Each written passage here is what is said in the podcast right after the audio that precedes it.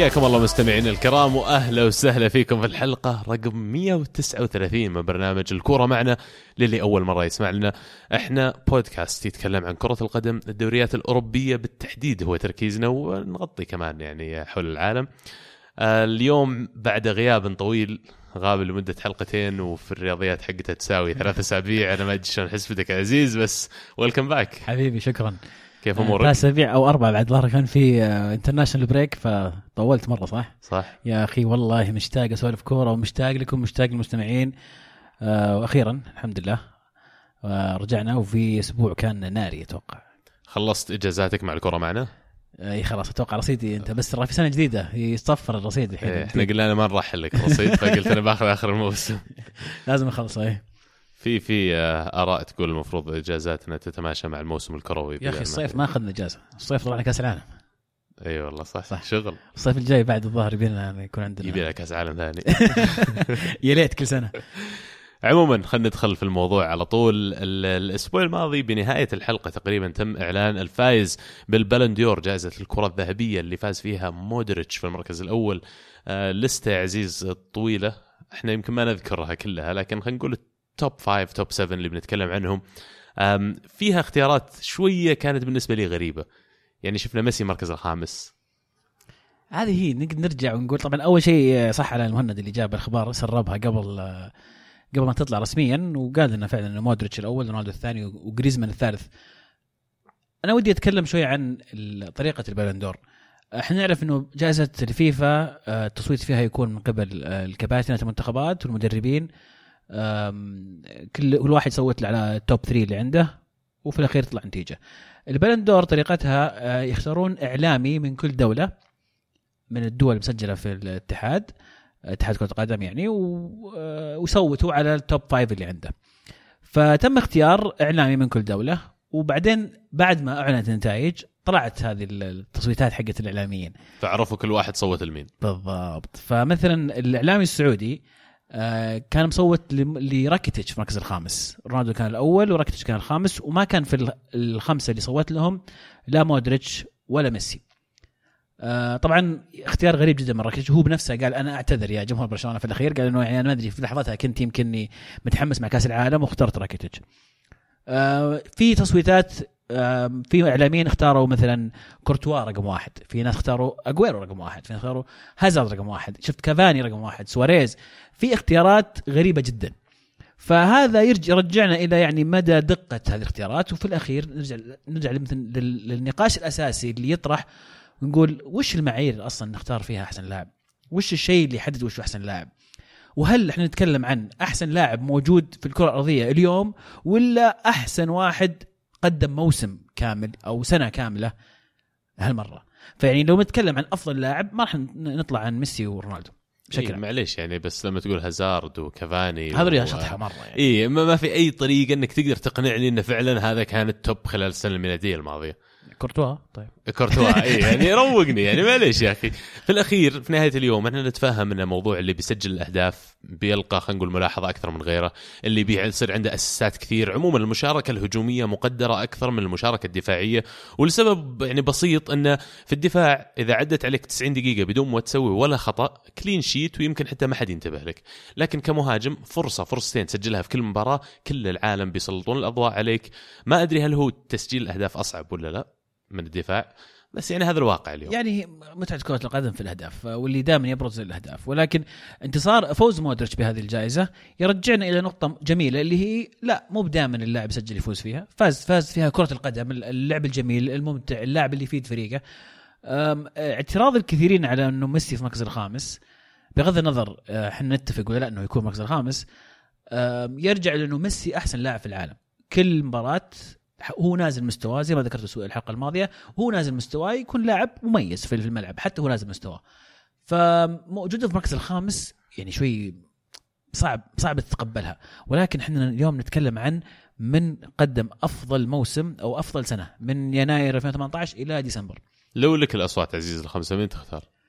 آخ والله صعبة جدا لأنه فعلا نرجع نقول كأس العالم كاس العالم دائما له دور كبير. ولما كبير. تقول ميسي تستغرب إنه في الخامس طب حطه مكان مين في ال top four مثلا. هذا. فهذا أنا بشوف كيف كيف الطريقة الآلية اللي بتفكر فيها أنت طيب. أنا شخصيا أول شيء في ثلاثة في في فرنسا كلهم يستاهلون يكونون في في ال top five. جريزمان ومبابي وفاران. آه فاران حقق كل شيء ال Champions League وكاس العالم. لكن لأنه مدافع ودوره يمكن ما يكون واضح للجميع زي ما دور مبابي وجريزمان فشفناه الظاهر في المركز السابع أو الثامن متأكد. السابع. محمد صلاح نص موسم كويس النص الثاني عادي. مودريتش رائع. رونالدو حطم كل الأرقام القياسية. فاز بال Champions League مع ريال مدريد. يمكن ال- ال- المستوى اللي قدمه مع البرتغال في كأس العالم ما كان كفيل إنه مثلا يعني يفوز بالجائزة. ولكن وجهة نظري يمكن يمكن يظل رونالدو هو هو الاحق بالجائزة هذه. إذا ما كان رونالدو فهو أكيد لاعب فرنسي شخصيا رشح جريزمان. وحلو ملاحظتك على صلاح فعلا يعني لأن صلاح الموسم الماضي اللي يتذكر مع ليفربول ترى خلال النص الأول من الموسم اللي هو كان في عام 2017 بروزة أكثر بكثير من النص الثاني من الموسم اللي هو في عام 2018 طيب ودخلنا على الموسم الجديد الموسم هذا صلاح مو نفس صلاح في 2017 كأس العالم ما كان على قدر التطلعات والامال اللي على صلاح كمان فالمنتخب المصري كان المركز الرابع. فمعناته أنا أشعر أن ال- التصويت صار على أساس الموسم الماضي ككل وبختامه كأس العالم. كأن سنة 2018 النص الثاني ما دخلت في الحسبة. وفعلا زي ما قلت هذا الشيء المفروض يصير واضح. إذا أنتم فعلا تقيسون على موسم كروي وهو شيء منطقي أنا أشوف. حطوها طب يا أخي في الصيف. حطوا البلندور في إيه، الصيف. لأنه ذاكرة ال ال الإنسان دائما للموسم الأخير هذا. يعني صعب إنك تقول لا هو هذيك المباراة اللي بدأ فيها وجاب هاتريك كانت يناير ولا ديسمبر؟ يعني في صح أشياء مو منطقي. مو منطق لا. وديسمبر ما يدخل. شوف أنت إيه، أعلنت إيه. النتائج في نوفمبر معناته على 11 شهر معناته طب طبيعي إني لما أجي أفكر أقول والله صلاح الموسم الماضي كان خرافي. ولا أتذكر الحين صلاح زي ما قلت قبل بداية السنة ولا بعد نهايه بداية السنة. ف ما أعرف. أنا عندي تحفظ على اللسته يعني مودريتش يستاهلها وما في شيء أقدر أقوله إنه يقول إن مودريتش ما يستاهلها لكن لو أنا بصوت أنا ما أتوقع بيكون رقم واحد عندي مودريتش. صح. أتفق معك. وبالأخير نرجع نقول وش وش المعايير؟ على أي أساس نقدر نختار من أفضل لاعب في العالم؟ يعني وش التص... وش ال- المعايير اللي تخليك تصوت لهذا مو بهذا؟ في الأخير رأي شخصي لكل واحد، في ناس تقول كورتوا، في ناس تقول مودريتش، فيعني وغريب شوف آه، ملاحظتك كمان على فاران مودريتش سوى كل شيء سواه فاران اللهم فاران فاز بكأس العالم في النهائي.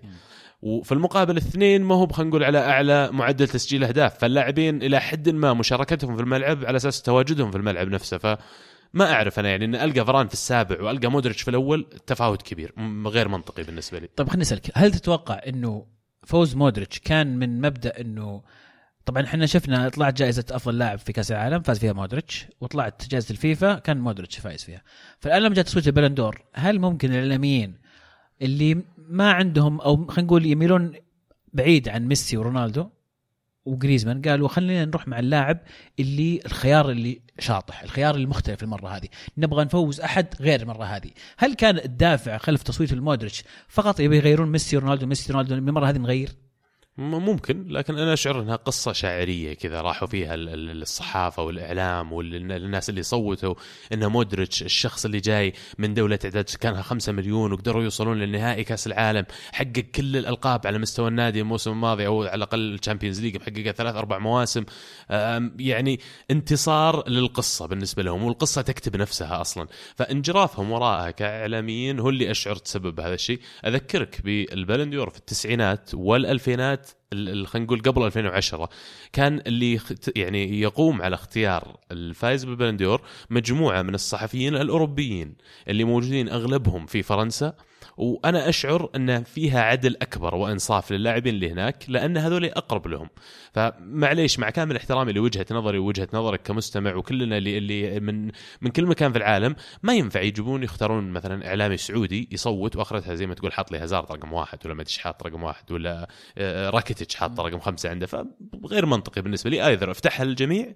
ولا قننها رجعها زي ما وعلى كانت. أساس تم اختيار هذا ال هذا الش- هذا الاعلامي أنا ما أقل منه ما أعرفه شخصيا الامانه ولكن ليش اختاروا هذا؟ يعني في اختاروا في إعلام واحد من الاعلاميين اختاروهم له ست سنين ما يشتغل مع جريدة.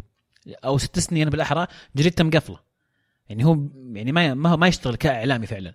فيعني في في خيارات غريبة. وفي الأخير يعني مستحيل إن كلنا نتفق على الجوائز. لا هذه لا الفيفا. آه، ففي الأخير اللاعب الأفضل هو اللي تشوفه أنت الأفضل. اختصار جيد والله فعلا يعني. سمعونا رايكم. توافقون؟ تختلفون مع اللي قلناه ولا مع حتى الفائز بالبالندور لأن أنا متأكد إنه زي ما قلت يا عزيز كل أحد له رأي في الموضوع هذا. الحين ندخل في خضم المباريات ونرجع من جديد للدوري ندخل زي ما تقول محيفرة نطب. آه، برشلونة يفوز 4-0 في ديربي كاتالونيا على إسبانيول في ملعب إسبانيول. ليونيل ميسي يوريك فعلا آه، قديش اللاعب فنان ويحرز هدفين وفاولات رائعة يعني ما ما أدري إيش أقول. يعني على طاريها يعني ابو أبو أمير في الهاشتاج يقول اللاعب الوحيد اللي يكرر المعجزات هو ميسي. عفوا لا يوجد تفسير بين أفضل لاعب في التاريخ يغيب عن جوائز أفضل في العالم من 2015 نرجع نقول. يا أخي. والله قسوه خل خل البلندور خل الكلام فاضي هذا. ميسي ميسي قاعد يصير ميسي. قاعد يورينا ميسي من جديد. المرة هذه بطريقة جديدة. قال طيب آه، بيليه يتكلم عني آه، يقلل مني بيليه وذولي ما يبون يعطوني جائزة حاطين المركز الخامس أنا أوريكم. أعطني فاولين. أول مرة يعلق فاولين في نفس في مباراة واحدة في, في آه، وكل الفاولين كلهم كلهم صراحة يعني أهداف جميلة. يظل ميسي مباراة بعد مباراة ثابت مستواه ومو يعني okay ينزل ويطلع بس زي ما قلنا ميسي لما ينزل مستواه يكون لاعب مميز. لما يطلع مستواه فهو ميسي خرافي. آه، وأكد الشيء في هذه المباراة. أيضا ديمبلي آه، مشاركة إيجابية. سجل هدف. وسواريز طبعا هدف. لكن ديمبلي من بكرة تاخر التمرين ساعتين. على طول. من يضبط يقال وضعه. انه كان تاكي يلعب مع أخوياه سوني وتأخر في الليل وراحت النوم. gamer هل صدق السالفة هذه؟ عشان gamer قاعد يأثر أنا على هذا مستوياته. سمعت إنه سهر في الليل مع اخوياه وما قدر يقوم. طفل عادي مراهق زي أي مراهق يتأخر على مدرسة الصباح أي شيء. برشلونة أسلوبهم يعني تشوف أصلا في المباراة واضح أهمية برشلونة الفريق ومهما جابوا وعززوا الفريق وجابوا نجوم وجابوا لاعبين فنانين حتى نيمار اللي رايح ماسك خانة أساسي في باريس سان جيرمان نجمهم الأول النجم الأول للبرازيل ما قدر يخطف الأضواء من ميسي ولا قدر حتى يتشارك الأضواء مع ميسي. آه لاعب من كوكب آخر فعلا يعني. المباراة هذه تخليني سعيد إني عايش في زمن مروا علي اللاعبين اللي شفتهم وأكيد من ضمنهم هاللاعب. وضعهم ممتاز شكلهم السنة هذه المفروض هم الدوري والمفروض إنهم مرشح الأول. أنا بالنسبة لي ما زالوا لل Champions League. مش شرط بوجود ميسي. صعب صعب إنك تقول لا. ابدا مش شرط طبعا في القطب الآخر في إسبانيا ريال مدريد يفوز بعد خارج أرضه على هويسكا. 1-0 بهدف من جاريث بيل في الدقيقة 8 آه، مدريد يعني بعد بداية رائعة لسولاري بدأت النتائج تتفاوت بدأ الآن يرجع هدف يعني فوز اذا هدف. غلطان. آخر آخر خمس مباريات أربع انتصارات ولا ريال مدريد؟ أعتقد إنهم يعني آه، جايبين 12 12 نقطة في آخر 15 نقطة ممكنة. بيل سجل هدف بعد غياب 100 يوم. بعد غياب 100 يوم بيل يرجع يسجل. ولكن أعتقد نجم المباراة بالنسبة لريال مدريد كان كورتوا وهذا يعني مؤشر خطير. إنك تلعب قدام آه، شو اسمهم هوسكا إيه، هويسكا. ويكون نجم مباراة الحارس فهذا مؤشر خطير. ما زال مدريد زي ما قلت صح إنه كنتائج يمكن في انتصارات متتالية ولكن المستوى مهزوز. وما زال ما أدري هل هو فعلا راح يتم الاعتماد على سولاري إلى نهاية الموسم؟ هل معقولة؟ ما في بديل؟ أذكرك بنتائج اللي جاهم هذاك اللي يسمونه الطباخ رافا بينيتز مع كامل ترى هم اللي يسمونه أنا مالي شغل. بس رافا بينيتز أول ما جاء كانت نتائجه كويسة من ناحية انه إحراز النقاط لكن واضح إنه كان مستوى الفريق غير مقنع. وابتلوا معاه ابتلوا معاه لين ما في الأخير يعني صارت القصة المشهورة راح وجا زيدان مكانه في نص الموسم حققوا ال Champions League وصار اللي صار. يعني أنا أشعر أن القصة تنعاد من جديد مع سولاري. جاء في وقت الفريق محتاج لتغيير. لوبتيغي على فكرة ما كان الخيار الأول حتى لفلورنتينو بيريز. ولما حطه ما مشى الحال معاه استبدل بسولاري. الآن أشعر أن سولاري ما زال حل مؤقت ولن يكون مدرب. ريال مدريد يعني يمكن حتى مو لنهاية الموسم. أنا ما أدري وش ال- ال- اللي يخبي القدر لمدريد لكن يعني الظاهر أن هذا كان ثاني كلين شيت خارج ملعبهم في 2018 يا ساتر. لك أن تتخيل يعني معناته المشكلة مو بحديثة مو بتو من الموسم الماضي مستمرة من أيام زيدان. هل ممكن نقول الدوري أصبح صعب جدا على ريال مدريد؟ ما أتوقع إنه يعني طارت عليهم الفرصة على المنافسة. أنا أتوقع ما زالت موجودة فرصه برشلونة صح المفروض فرقوا أكثر لكن الواقع إنه لما أجي أشوف الفريقين وأقارنهم برشلونة مرشح أكبر يا أخي أقرب. فريقهم تشكيلته جاهزة أكثر. عندهم ميسي عندهم نج يعني ال- ال- ال- المشروع ما تغير كثير. في مدريد الصيف الماضي المشروع كله انسف. فبالنسبة لي هذا اللي يخلي انه يمكن المنافسة على اللقب شيء غير واقعي كثير لكن لو قدروا يسوونه فشيء ممتاز. وفي مباريات جميلة صراحة في في الدوري الإسباني الموسم ال- أو الجولة هذه بال- بالأحرى. يمكن اهمها فالنسيا واشبيليا انتهت بالتعادل واحد واحد. أتوقع يعني فالنسيا في الدوري السنة هذه ما يظهر بأفضل المستوى على العكس في ال Champions League. ال Champions League كان شوي مزعج بعض ال- الأندية اللي معه. لكن إشبيليا تعثر بالتعادل. يمكن أيضا في مباراة شطحة في في آه، في أسبانيا أيضا انتهت 4 4 بين إيبار وليفانتي كانت مباراة صراحة يعني جميلة اللي ما شافها يمكن يشوف ال highlights والمنافس الثالث طبعا في الدوري الأسباني. أتلتيكو مدريد يحقق انتصار على ديبورتيفو الفيز بثلاث أهداف مقابل لا شيء. كالينيتش سجل أول هدف له في الليغا مع أتلتيكو مدريد وأيضا جريزمان ورودري.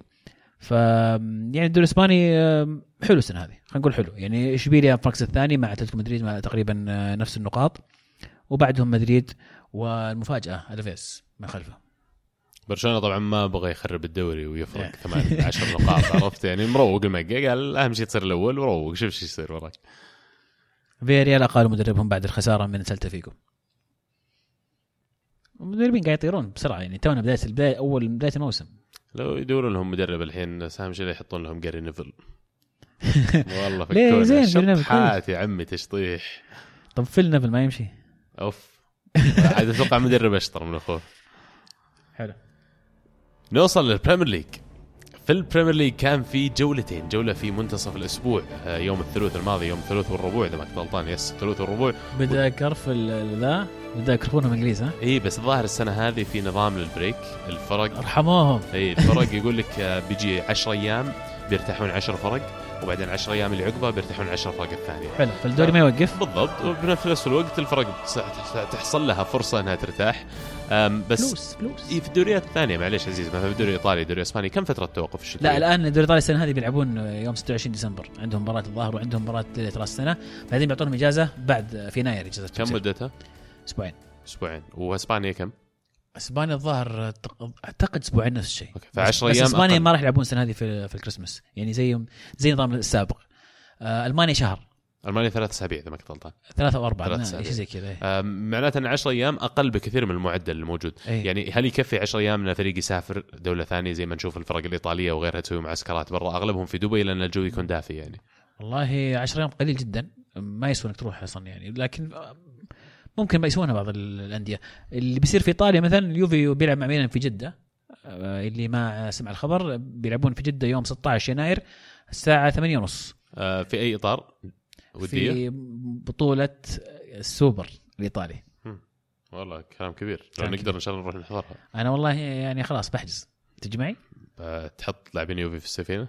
لا يرحم والديك سمعتك غرقان أنت بروزوفيتش. طيب إحنا شطحنا كثير في البريمير ليج. نقول لكم كان في جولتين. الجولة حقت منتصف الأسبوع يمكن يعني أبرز ما صار فيها إن ليفربول فاز على بيرنلي 3-1 خارج أرضه.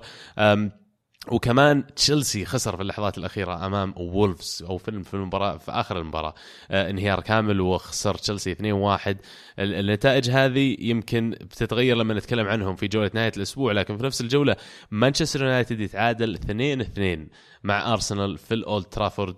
ليت ألمو موجود؟ طبعا واضح ليش هو غاب الحين مش موجود معنا اليوم لأن مبروك لك يا ألمو. بس التعادل. فاز على فولهام. في جوله منتصف إيه. جو... نهاية إيه. الأسبوع إيه. صح بس يعني فولم لما جاء معليش طول الموسم الحين بيزعلون مني اللي يحبون مورينيو بس طول الموسم قاعد يخبص وما أدري إيش قاعد يسوي ولما جاء ضد أرسنال استرجل وحط بوجبا دكة وحط لوكاكو دكة وضغط ب high press لعب فريق 3 4 3 نفس الخطة اللي كنا قاعدين نلعب فيها على أساس يضغط الفريق قدام لو قاعد يلعب طول الموسم زي كذا أضمن لك أن جماهير مانشستر يونايتد ما راح يكرهونه مثل ما هم يكرهونه اليوم أو على الأقل الفئة المعارضة له. فعلا. ما ودي ندخل في تعمق في التكتيك لكن مورينيو الطريقة اللي لعب فيها كان يعتمد على إنه الضغط العالي على اللعيبة وأول ما يحس إن ال- ال- ال- الكرة عدت الصف الأول للدفاع حقه طبعا هو اللي هم مهاجمينه يرجع صف الباص. كانت هذه تشكيلة بالضبط خطته. نضغط على لعيبة أرسنال إذا افتك الكرة في الدفاع يرجع الباص ويسكر ونحتريهم نحتري ناخذ الكره منهم. وأرسنال في نفس الوقت كان يلعب بطريقة مشابهة ولكن بالضغط على حامل الكرة بشكل بشكل أفضل من من مانشستر يونايتد. آه وفي الأخير كانت مباراة ممتعة صراحة بالنسبة لي كمحايد كانت آه من جهة لجهة رغم إنه يعني كان ودي يونايتد يفتح أكثر ويدفع أكثر آه ولكن في الأخير كانت مباراة جميلة. هي مثل مرايه صارت. فمورينيو عارف الأسلوب اللي بيلعب فيه آه، مدرب أرسنال لا ما حفظت اسمه يوناي إمري. فلعب بطريقة مشابهة بالضبط لاعب اللاعب كل لاعب قدامه لاعب. فالمركز اللي أنا أشعر كان المفروض يكون فيه الحسم بالنسبة لنا المواجهة ما بين كولاسيناتش ودالول اللي عندهم ظاهر لاعب يمين. فدالو لاعب صغير شاب ما عنده خبرة كولاسيناتش انت لاعب تمتاز بقوة بدنية وفعلا شفناه في المباراة يعني أكله أكل على الطرف لكن ما قدر يستفيد بالكرة الأخيرة. مانشستر يونايتد هدفهم ال- ال- اللي حق هيريرا هو اول الظاهر تسلل تسلل بالنسبة لي يمكن يعني صح الفرق صغير لكن offside كان. و- ويونايتد سجلوا من الفرصتين اللي سنحت لهم من أخطاء غبية من ارسنال. الف... آه، ارسنال لعبوا أحسن بكثير. كان المفروض إنهم يخطفون المباراة كان المفروض نطلع بالثلاث نقاط لكن واقعيا ضد مانشستر يونايتد في الأولد ترافورد نقطة ما هي بسيئة. وزي ما قلت يا عزيز نهاية الأسبوع فازوا على فولم 4-1 آه هذا مانشستر يونايتد طبعا نتكلم عنهم. يعني النتيجه أفضل بشوي من ال- ال- اللي قاعدين نشوفها منهم لكن حتى المباراة هذه أنا أشعر حالفهم الحظ شوي في موضوع انه قدروا يسجلوا ثلاث أهداف في الشوط الأول. متعطشين جماهير مانشستر يونايتد لمثل هذه النتائج. تحيم يقول في الهاشتاج طبعا السلام عليكم سعيد بالبودكاست الجميل واستمراركم الرائع. أول مشاركة وإن شاء الله أكون معكم اسبوعيا مشارك. بإذن الله يتحيم آه أرسنال يستمر 21 مباراة دون خسارة فوز غير مرضي. توريرا النجم كأني أشوف فييرا النسخة البيضاء. أنا أشوفها زرقاء التاريخ من سامفيدوريا ب 25 مليون ولا اقساط ثلاث سنوات.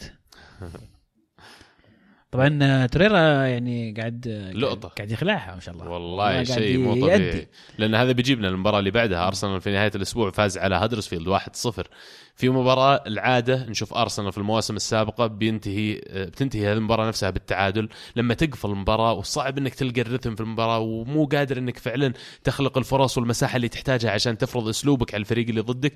لكن طلع آه توريرا في لحظة رائعة من أوباميانج. آم، قدر إنه فعلا يحسم المباراه لصالحنا. توريرا شيء يعني نزل من السماء. لقطة. والله. شيء غريب. كيف خليته يمشي من الدوري الايطالي هذا سؤالي. والله سؤال جيد. قعدت يلقطون الأندية. شوف هو كان مرتبط باليوفي قبل فترة بس مو بالصيف الماضي.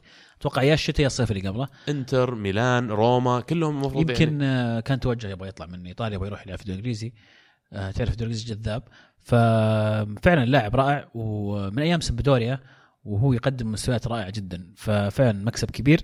والآن بدا بدأ ال- ال- الإعلام يتكلم عن هل ممكن أو هل يصنف توريرا على أنه أفضل صفقة تمت في الدوري الانجليزي هذا الصيف. والله مو بعيدة. بالنسبة لأرسنال أتوقع نعم أفضل صفقة. الظاهر جبناه هو لنا وبس هذا الجماعه أو لا وجبنا ال- ال- اليوناني. شو اسمه؟ لا والأسطورة. سقراطس. والأسطورة. أي أسطورة. أسطورة الظهير اللي أيمن حقكم الأسطورة. الأسطورة ظهير ايمن أوه ليتشستاينر ها؟ إي لا لا فعلا. اللي يلعب قلب ويلعب يسار ويلعب كل شيء. جبنا أربع أو خمس لاعبين بس ال- الإضافة اللي قاعد يسويها توريرا الموسم هذا بالنسبة لأرسنال أكبر بكثير من انه تجيب لاعب ويسد لك خانة، قاعد يوفر لك شيء ما تلقاه في لاعبين في العادة، أقرب ماله اللي شفناه من كانتي خلينا نقول في ليستر. كانتي لما جاء غطى خانته بطريقة يعني ما شفنا مه... لاعب وسط يغطيها بالطريقة هذه من قبل. آه نفس الشيء توريرا ما في إلا توريرا واحد، ما ينفع إنك تروح تدور مثله، وأفضل ما فيه انه قدر يقدم الحماية للدفاع. قدر يخلي تشاكا يظهر بمستوى أفضل بكثير من الموسم المواسم الماضية أو الموسم الماضي تحديدا وقدر يعطي الفريق قاعدة هجومية يبني عليها. وآخر شيء وراك انه مو بس مدافع أتقدم وسجل هدف مقص بعد وعند خط المرمى. يعني تارك مركزه كله متقدم فاللاعب إضافة رائعة للفريق. مبروك عليكم. والله شكرا يا عزيز. نستاهل. إذا أحد يا شباب عنده موية ولا شيء يرسل ليونايتد. ترى عندهم طفرة موية. مورينيو يدور مويه. ولو كان عندنا راعي شركة مويه كان قلنا قلنا الشركة ترسلها لكن ما عندنا راعي. طبعا ليفربول فازوا في نهاية الأسبوع 4-0 خارج أرضهم على بورنموث في مباراة سجل فيها محمد صلاح هاتريك. آه، وما احتفل بنهاية الأهداف لكن يوم جاء الهدف الأخير اللي شخبط فيه الدفاع والحارس شخبط الدنيا كلها كانه يعني غصب عنه احتفل شوي. واخي غريب محمد صلاح. طبعا أعتقد إنه يشعر بالضغط يشعر إنه مو قاعد يقدم نفس المستوى اللي قدمه الموسم الماضي. الإعلام والناس اللي حوله كلهم يتكلمون عن وين صلاح الموسم الماضي. فيبدو إلى الآن هو غير مقتنع بالأداء اللي قدمه فيمكن هذا يكون سبب ردة الفعل أو قلة الاحتفال بالأهداف. الهدف الثالث زي ما قلت شخبط الحارس مرتين سحبه فهو حتى هو بتلاقي يتحمس هو قام يحتفل. آه ولكن آه الليفر بالفوز هذا تصدر. ومعطيها وضعية آه، بلوتيلي ها؟ هو إيه, إيه. بلتلي أنا ضد العالم. شغلي هذا اسمه job يعني عادي إيش فيكم؟ هدف طيب؟ أنا وظيفتي أنت ما تروح الدوام تحتفل وشو؟ يوم آخر في المكتب عرفت؟ اي عادي. يعني. آه، في المباراة اللي عليها الكلام بعد بنهاية الأسبوع تشيلسي فاز 2-0 على مانشستر سيتي في مباراة يمكن البريمير ليج كله كان يشجع فيه تشيلسي لأن فعلا السيتي شيء مزعج. مرة صعب أحد يفوز عليهم مرة صعب توقفهم. يمكن قد يكونون أفضل فريق في العالم في الدوريات. يعني يوفي صح إنه قاعدين يجيبون نتائج آه، تاريخية من ناحية عدد النقاط وغيره لكن سيتي تشعر أنه فريق مرة صعب تفوز عليه. الفرق اللي تلعب ضدها قوية في البريمير ليج ما هي بسيطة بس برضو ما على على level آخر وعلى مستوى آخر. ساري ساري ساري وما أدراك ما ساري. يعني آه، فعلا القرارات اللي اتخذها في المباراة هذه كلها صح. الخط الأمامي اللي قرر يلعب فيه واستغناء عن مهاجم أتوقع كان قرار موفق جدا. صح إن هازارد إلى الآن يعني له مباراتين وثلاثة ما سجل ومركز في الموضوع هذا لأن أنا مكابتنه في ال fantasy لكني غيرت بس ال captain assistين assistين فعلا يعني قاعد يظبطني شوي. ولكن الجرأة إنه يلعب ببيدرو ويليان وهازارد والأدوار الدفاعية اللي يطلبها من ويليان وبيدرو أيضا وأيضا هازارد في بعض الأحيان كان قرار موفق جدا. آه، أتوقع إنه آه، اللي سواه ساري في هذه المباراة يختلف عن جميع المباريات السابقة، المباراة السابقة كان يعمل على استحواذ الكرة آه، بناء الهجمة تمريرات جورجينيو. المباراة هذه لا شفنا جورجينيو يلعب آه، 500 ألف مناولة ولا استحواذ تشيلسي 75% وكل هذا ما شفناه. شفناه انه خل سيتي يلعبون لما ناخذ الكوره إحنا بنلعب. غير كذا إحنا أنتم العبوا لعبكم. وهذا أتوقع الجزء اللي هي اللي فاجأت جوارديولا. 100% عزيز يعني فعلا خيارة لأول مرة هذا الموسم يبدأ بهازارد كرأس حربة خلينا نقول التسعه الوهمي وطلع مراته برا التشكيلة كاملة مو حتى موجود على الدكة. آه وتكلم عن الموضوع قال إن مراته بيتقبل الموضوع لأنه في الأخير طبعا حصلوا على نتيجة. والنتائج انه لعب بهازارد كرأس حربة وهمي اعطاهم قوة دفاعية أكبر لأن هازارد يتحرك أكثر. هازارد ذكرني المباراة هذه بأدائه مع بلجيكا في كأس العالم اللي كان دوره الأساسي إنه كيف يخلق المساحة للفريق ككل كيف يكسب فاولات من الفريق اللي ضده كيف يكسب مواقع يتقدمون فيها تشيلسي ويقدرون فعلا انهم يحصلون على فرص للتسجيل. دفاعهم طبعا 10 على 10 كانوا بلا استثناء حتى ديفيد لويز اللي دائما نقصوا عليه كان رائع في المباراة هذه سجل جول كمان. لكن الشوط الأول كانوا محظوظين جدا تشيلسي إنهم طلعوا منه وهم متقدمين 1-0 م- لو انهم طالعين متعادلين ترى محظوظين فما بالك طالعين 1-0 سيتي ما قدروا يعني يترجمون استحواذهم وسيطرتهم على المباراة إلى أهداف وفي الأخير دفعوا الثمن عليه. اللي كان مسويه ساري إنه زي ما قلت العادة هو يلعب بكرة قدم استحواذ ودائما ما ينتقد ساري يمكن على الموضوع هذا. أتذكر أقارنه بأرسن اللي الناس اللي عندهم قناعة واحدة وأنا أبغى ألعب بأسلوب معين ومستحيل أغير الأسلوب هذا حقي لكن وراك إنه ممكن كمان يغير من أسلوبه لأجل النتائج وعشان يأقلمها على الفريق اللي ضده. ال front three اللي كان يلعب فيهم بيدرو وويليان وهازارد كانت هدفهم الأساسي إنهم يضغطون على مانشستر سيتي في الثلث الأخير من الملعب لما تصير الكورة مع دفاعهم. إذا قدر يفتك الكوره بسرعة بيخلق هجمة سريعة على طول من منطقة خطرة. إذا ما قدر يفكها وسيتي قدروا ينقلون الكورة من الدفاع إلى الوسط تشوف زي ما قلت تشيلسي كلهم يرجعون ونصك الباص. فأهنيه يعني ساري ضربة معلم الخيارات اللي اتخذها. ونقطة أخيرة ديفيد لويز في هذه المباراة كان لاعب بطريقة جيدة كور طويلة وهذا كان المطلوب منه في هذه المباراة.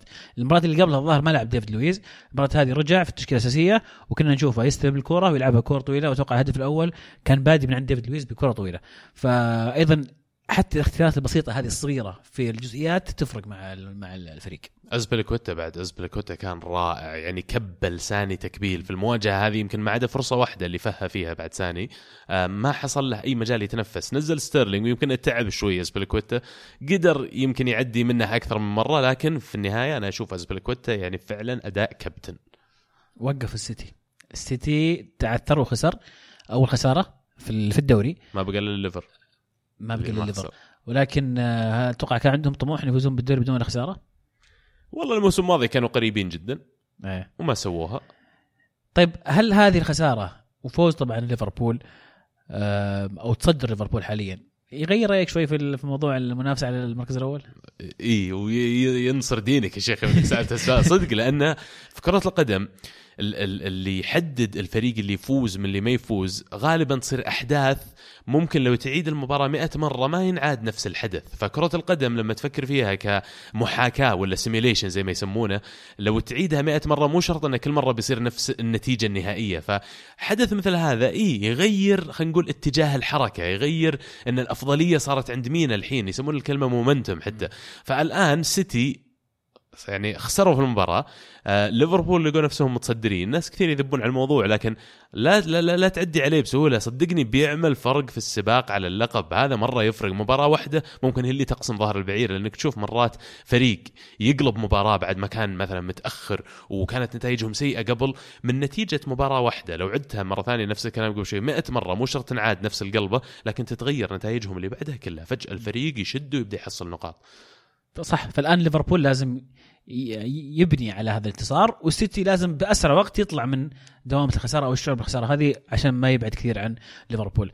مشاركة من نواف يقول السلام عليكم يا جميلين استغربت في آخر بودكاستين عبد الله أحسه كأنه يقلل من ليفر بأن ما يتوقع يكون منافس السيتي والجولة هذه أثبت أن الليفر قادر بقوة أن ينافس وهو الفريق الوحيد اللي ما خسر صحيح نتائجه ما هي مثل السنة اللي راحت لكن صار توازن بالفريق وأكثر clean sheet. والله شوف كلام يعني مش غلط خلينا نقول. آه لكن بواقعية نتكلم يا أخي السيتي جاهز. السيتي عنده في كل خانة بديل جاهز يلعب أساسي اليوم على طول قاعد ينافس اللي في الأساسي قاعد يغير. أجويرو قاعد يجلس دكة. تتكلم عن إيش يا أخي؟ أجويرو لو يروح أي نادي في العالم بيلعب أساسي. فيعني يمكن لأن عنده جارديولا بس الخيارات اللي موجودة عنده تعطيه أفضلية في دوري طويل دوري مكون من 38 مباراة وفرق صعبة. وتتمة الكلام اللي قبل شوي مو بس الآن الضغط على ليفربول إنهم يبتلون يفوزون عشان يعاقبون السيتي على الخسارة. الضغط على الفرق كلها إنه يلا شفتوا كيف خسروا كل فريق يقدر يفوز على السيتي. هذا اللي ممكن يولع الدوري. رايوتا يقول عجيب هذا ليفربول ظننته سيكون أول الخاسرين بين الثلاثي الذي لم يهزم. تشيلسي يهزم السيتي بمباراة عكس مجريات اللعب لكن عودنا ليفربول أن يتقهقر تحت الضغط وقد يكون لكلوب رأي آخر. شعار المرحله لليفر هو is this the year هل هذه هي السنة؟ أنت وش رأيك؟ طيب هل تشوف ليفربول هذه يعني فرصتهم السنة هذه حقيقية أنهم يعني يحققون اللقب ولا بيكونون الأفضلية لغيرهم ولو حققوه فإنهم تجاوزوا التوقعات؟ شوف في نقطة مهمة مفصلية بالنسبة لي هي مباراة نابولي اللي راح تكون يوم الثلاثاء والأربعاء. في حال آه، إن ليفربول ما تأهل إلى الادوار القادمة وراح لليوروبا ليج أتوقع إنه في هذه الحالة آم، راح يكون التركيز على الدوري بشكل كامل وراح فعلا ما يكون عندهم هدف إلا الدوري. يعني طالما إنهم ما يتزحلقون ويضيع عليهم الدوري فامورهم تمام. ولكن إذا تأهل في الشامبيونز ليج أعتقد إنه ال- ال- المنافسة على الجبهتين صعبة شوي. آه ليفربول فريق رائع. بدا بدأنا الحين نشوف آه فابينو يشارك أخيرا. آه عندهم خيارات. ولكن ما زال احتياطهم مو بقوة أساسيين. وأيضا فريقهم يعتمد اعتماد كبير على محمد صلاح ومستواه. متى ما كان محمد صلاح في مستواه متى ما كان البديل جاهز شكيري نزله من الدكة اضافته قوية راح يكون بكل تأكيد ليفربول منافس. الفترة القادمة هذه الزحمة مباريات شهر 12 راح يكون لها دور كبير في تحديد شكل الدوري في الموسم القادم أو صح. في نهاية الموسم. وتشخيصك في محل انه فعلا وسطهم ودفاعهم ترى قوي وفعلا يعني مو بصدفة ترى أنهم قاعدين يجيبون clean sheets ودفاعهم من أقوى الدفاعات في الدوري. ال- لكن هجومهم ولو كان فنانين الثلاثة اللي موجودين ماني وصلاح وفيرمينو لكن ماني مثلا تجي بعض المباريات مو بيومه صلاح نفس الشيء. فأنت ضروري يصير عندك واحد على الدكة غير شكيري بس يكون جاهز. لما أجي السيتي وأشوف عندهم قدام ستيرلينج محرز اجويرو برناردو سيلفا ساني آه، بر- إيش يسمونه الثاني؟ جابرييل جيسوس آه، كمية يعني وبتمشي لسه بعد باقي سيلفا باقي دي بروينه باقي يعني عندهم كمية ناس. يلا شوف. فعندهم كمية لاعبين قادرين إنهم يلعبون أساسيين في أي خانة لو راحوا لأي نادي آخر في البريمير ليج كمان بيلعبون أساسيين. هذا اللي يخلي الأفضلية عندهم. بس أتذكر انه في نهاية اليوم ما تقدر تلعب إلا 11 لاعب. هذه الأفضلية اللي يمكن تصير عند ليفربول. صح. هو كذا يعني فعلا قفلنا أسبوع رائع من البريمير ليج. كانت فيه مباريات جميلة جدا. بس تعليق أخير آه، أنا أرسنالي ونسيت يا أخي إيش يعني أخسر. ما أدري أنا أنا أتذكر شيء زي كذا خسارة يسمونه أو خسورة أو شيء زي كذا ما أدري. ربي يصينك وحفظك وهذا. 22 كم؟ 21 مباراة بدون ولا هزيمة في جميع المسابقات. والله أمري شغال صح يا أخي. جميل والله. والله شغال صح. إيه. نوصل للدوري الإيطالي أو so-called جنة كرة القدم. ما مزعلك. موضوع عن مو مزعلني بس يعني ليش تقول غاير معلومات قل قل مغلوطة غاير يعني؟ قل غاير يا أخي. لا. يا أخي غير هذا الحكي. شوف لك لقب وسم دوريكم بلقب عادي لا بس يعني سمى لقب صح. يعني كأني أنا أروح مثلا الدوري الإنجليزي وأسميه مثلا الدوري الإيطالي مثلا أو الإسباني أغير اسمه كذا ما يمكن جنة كرة القدم. الكرة الإيطالية معروفة يعني منذ منذ الأزل. والله أنت قررت إنه بس أوكي. عموما مبروك لك يا عزيز فوز اليوفي 1-0 على إنتر ميلان. مباراة يمكن كانت مقفلة شوي ومانزوكيتش قدر يحسمها. والله ديربي إيطاليا الكبير طبعا صار جميل رائع بالنسبة لليوفي. يمكن المباراه كانت تكتيكية من الدرجة ال- العالية يعني. أعتقد إنه الفريقين نزلوا متحفظين تكتيكيا جدا. الإنتر للأمانة ضيعها في الشوط الأول كان ممكن يسجل هدف أو اثنين على الأقل. فرص ضاعت خطيرة جدا الانتر لو سجلها الإنتر كان تغيرت مجريات المباراة. ولكن اليوفي تعودنا من اليوفي وهذا اليوفي بالتحديد إنه يعاقبك وإذا ما سجلت عليه راح يسجل. آه، عندهم ال- الاتزان وال خلينا نقول ال- ال- التفكير على المدى الطويل مباراة 90 دقيقة فمو بلازم الآن تسجل ممكن تسجل بعد آه، 60 70 دقيقة. أم، الإنتر كان خطير واستغل استغل الأخطاء اللي صارت وسط الملعب. بيانيتش ما كان في يومه. آه، كان في مناطق خاطئة وكان خطة سباليتي اللي نزل فيها أو اللي- قدمها الإنتر ننتظر اليوفي متى يغلط ونستغل الغلط. وفعلا لو تلاحظ أخطر هجمات الإنتر كانت من مناطق خاطئة. من اليوفي تقطع في وسط الملعب من الإنتر وتصير هجمة مرتدة وتكون خطيرة للإنتر. إنتر أقوى مما توقعت كفريق. هل تشعر انهم اجهز يمكن من ال ال الكلام اللي يقولونه الصحافة واللي الجمهور يتوقعه منه؟ لأن أنك تنزل وتقدر تقارع يوفي اللي هو يعني فاتح الآن آه، آه، خانتين أو خلينا نقول double digit الفرق في النقاط ما بينه وما بين المركز الثاني. ما تشعر إنه يعني الإنتر أقرب مما تتوقع؟ الفرق ترى بس ثمان يعني بيننا وبين بين يوفي وبين نابولي.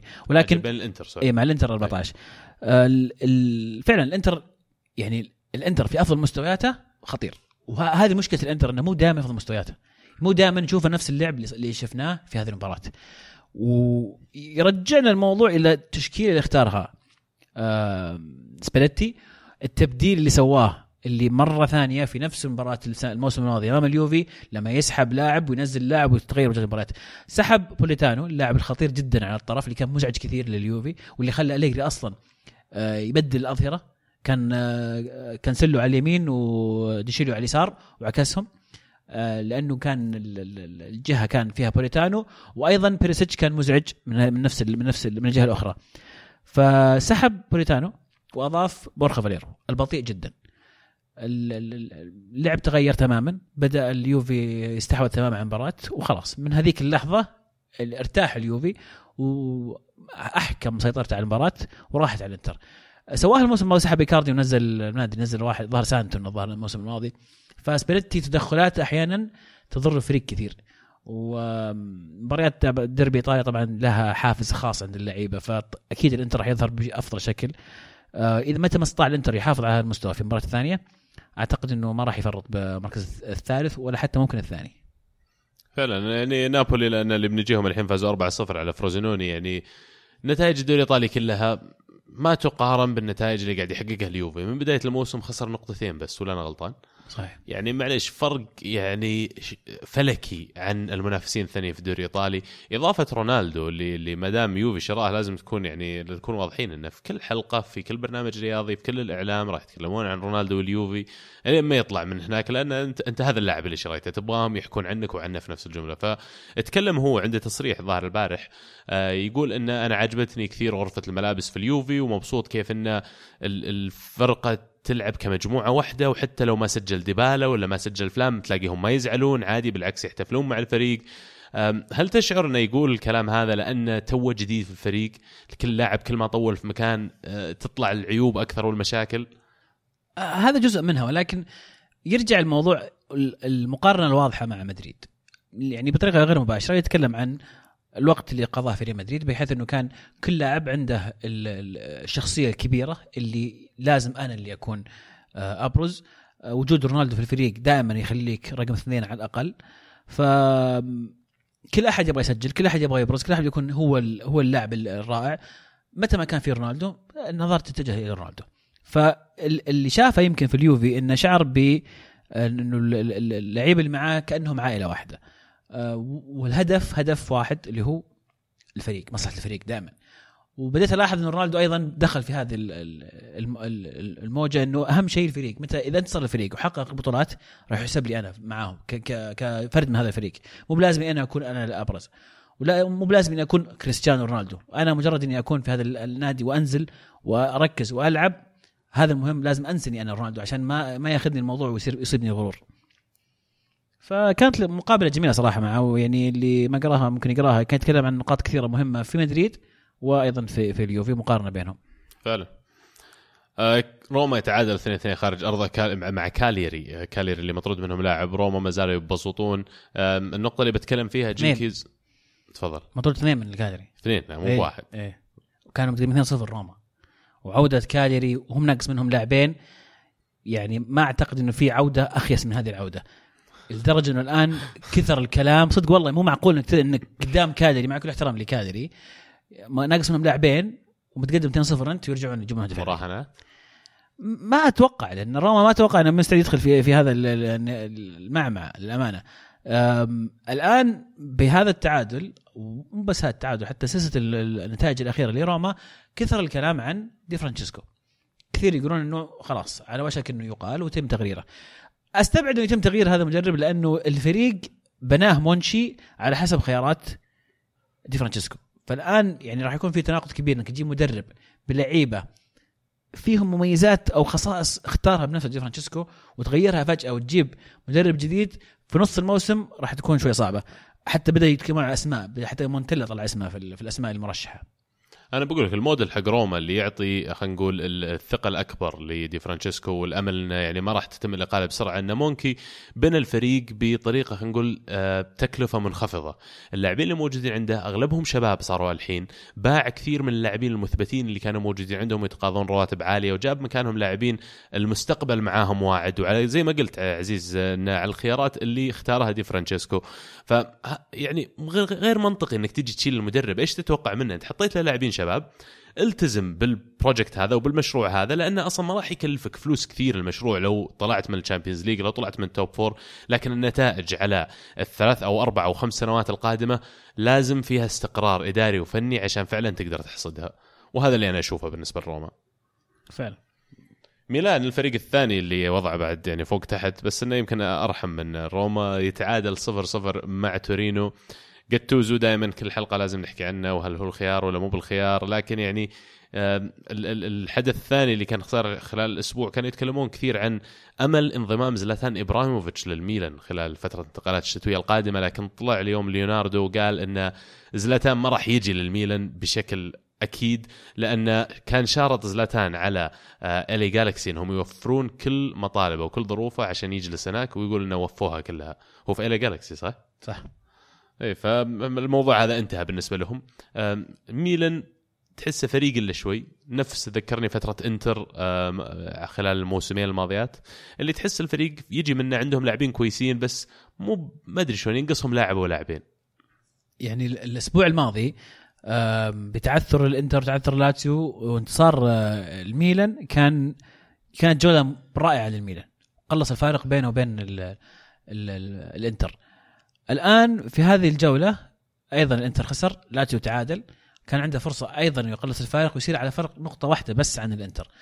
آه مركزه في ال- في المركز الرابع ويبعد عن لاتسيو ولكن التعادل امام تورينو يعني للأمانة ما هو مفاجئ لأن تورينو يقدم موسم جيد. ولكن في أرضك المفروض أنك هذه المباريات اللي تفرق لما يتعثرون المنافسين المباشرين لك لازم يكون الانتصار حاضر. وللأسف إنه هذا ما شيء ما صار. آه ما أدري صراحة ليش المشكلة للأمانة المباراة كانت في نفس وقت مباراة آه آه سوبر كلاسيكو نهائي الكوبا ليبرتادوريس فتركيزي ما كان كبير عليها ولكن آه كلينج اتكلم عنه إنه هل فعلا مجرد إنه جاتوزو أكثر مدرب حقق نقاط في عام 2018 من بعد يوفي ونابولي مؤشر كافي؟ أنا ما أعتقد إنه هذا مؤشر كافي. ودي أعرف بعد وش قوة قوتهم المادية الآن الميلان يعني عرفنا إنه صار في تغيير في الملكية بعد ما ما قدر يسدد الأقساط اللي عليه اللي مقسط ميلان الله يجزاه خير ماخذ كامري آه، بس انه لا طبعا ميلان أكيد نادي كبير مو قصدي كذا بس انه ال- القصد انه تغيرت الإدارة في عدم وضوح وعدم شفافية في وضع الميلان اليوم، طيب إذا جاء الصيف الجاي، إذا جاي يناير الجاي يا رجال، وش الأموال اللي موجودة؟ هل يقدرون يصرفون على اللاعبين؟ هل لازم يبيعون لاعبين؟ هل لازم يقلصون من فاتورة الرواتب اللي عندهم؟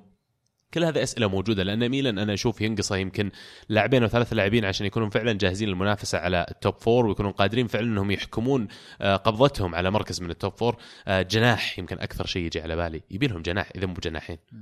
تعاقد الحين مع لاعب آه، برازيلي. باكيتا. باكيتا جاي. فنشوف رمزي خيار لهم. والله ممكن مع إني أنا ما أدري عن يعني أسلوب لعب رمزي ماني متأكد انه راح يمشي في إيطاليا للأمانة. أشعر إنه مو متحفظ يمكن. يمكن. لكن آم، كل شيء ممكن كل شيء جايز. انضباط تكتيكي فعلا أقل من غيره. اللي متوقع في إيطاليا إنه يكون اللعب متحفظ لما أقول متحفظ إنه من ناحية ال- السيطرة على المراكز انضباط تكتيكي داخل الملعب. في ال Premier League أشعر إنه في مجال أكبر لأن اللاعب يحط أسلوبه ويحط بصمته على اللعب. آه، في إيطاليا لا ال- الثقافة مختلفة شوي. ففعلا يمكن معك حق في موضوع إنه ما يناسب الدوري. آه، بس من الخيارات المتاحة. ما حكينا عنها فقط Premier League لكن أرسنال صاحب العرض المقدم له وصار بينتقل مجانا الصيف القادم. في مباراة أيضا لاتسيو سامبدوريا كانت صراحة آه، ممتعة جدا. تقدم فيها طبعا سامبدوريا هدف كوالياريلا. آه، دقيقة 79 تعادل آه، لاتسيو. الدقيقه 96 سجل لاتسيو الهدف الثاني عن طريق ضربة جزاء طبعا إيموبيلي. الدقيقه 99 سجل التعادل سامبدوريا وش ذا استهبال؟ ليش ليش 99 المباراة طبعا كان فيها 36 كان. فيها كرت أحمر طبعا لسامبدوريا آم، البلنتي رجع للفار شيك الفار طرد احتجاج كل هذه اعطاهم الظاهر 10 دقائق آه، إضافية بدل ضايع. سابونارا سجل هدف التعادل لسامبدوريا 99 وفسخ تيشرته وفسخ التيشيرت اللي تحت التيشيرت ونط للجمهور. لما وصل الجمهور كان بدون شورت وبعدين تسربت تسربت له صوره يعني آه، بدون حتى اللي تحت الشورت زلط. يعني يعني من كثر الفرحة بالهدف. يعني أنا ما أدري له بديربي. يعني ما هي بمباراة تأهل ما هي ببقاء ما هي يعني صح إنه هدف دقيقة 99 مطرود منك احد إيه بس يعني مو بهالدرجة يعني تفسخ مرة. بس آه، كانت ممتعة صراحة. والجولة هذه بشكل عام في إيطاليا كانت كثير أهداف اخر دقائق فيها. زي ما ذكرنا مباراة كاليري وروما وهذه مباراة وأيضا مباراة فيولا مع آه، ساسولو اللي أيضا كانت فيها تقلبات انتهت ثلاثة ثلاثة وأهداف إلى آخر دقيقة. تقدم تقدم ساسولو هدفين رجع آه، فيورنتينا قاس الفارق بهدف ثلاثة واحد لساسولو بعدين هدفين لفيورنتينا الأخير جاء في دقيقة 96 والله أهداف 96 هذا إيه. نقلت ملكيتها عندكم. 96 99 93 معلش وش ذا الحكام منسمين يعني؟ يا معلش أخي الفار قاعد ياخذ وقت مرة كثير طيب مرة فمشكلة مشكلة. صار بدأ يصير مشكلة. بدأ هو من هو من يوم بدأ هو مشكلة. ولكن يعني منفعته أكبر من ضرره. يعني إذا في شيء وحيد مثلا أنا مبسوط منه في الفار انه ما عاد يزعج يزعجونك الناس هدف تسلل إلا مو بتسلل لا وتسلل خلاص رحش في الفار. قضينا عرفت؟ فهذا قلل كثير من آه خلينا نقول بكاء بعض الجماهير في اتجاه آه محاباة حكام لأندية معينة في رأيهم. هذا قلص الاشياء هذا كثير. لكن الجهة المناقضة العيب فيه الأكبر تأخير اللعب تأخير اللعب كبير. وراح نوصل في موضوع ال- الدوري السعودي. أيضا كان مباراة النصر كان فيها استخدام كثير للفار الاستخدام في الدوري السعودي يختلف تماما عن استخدامه في باقي العالم على ما أشوف.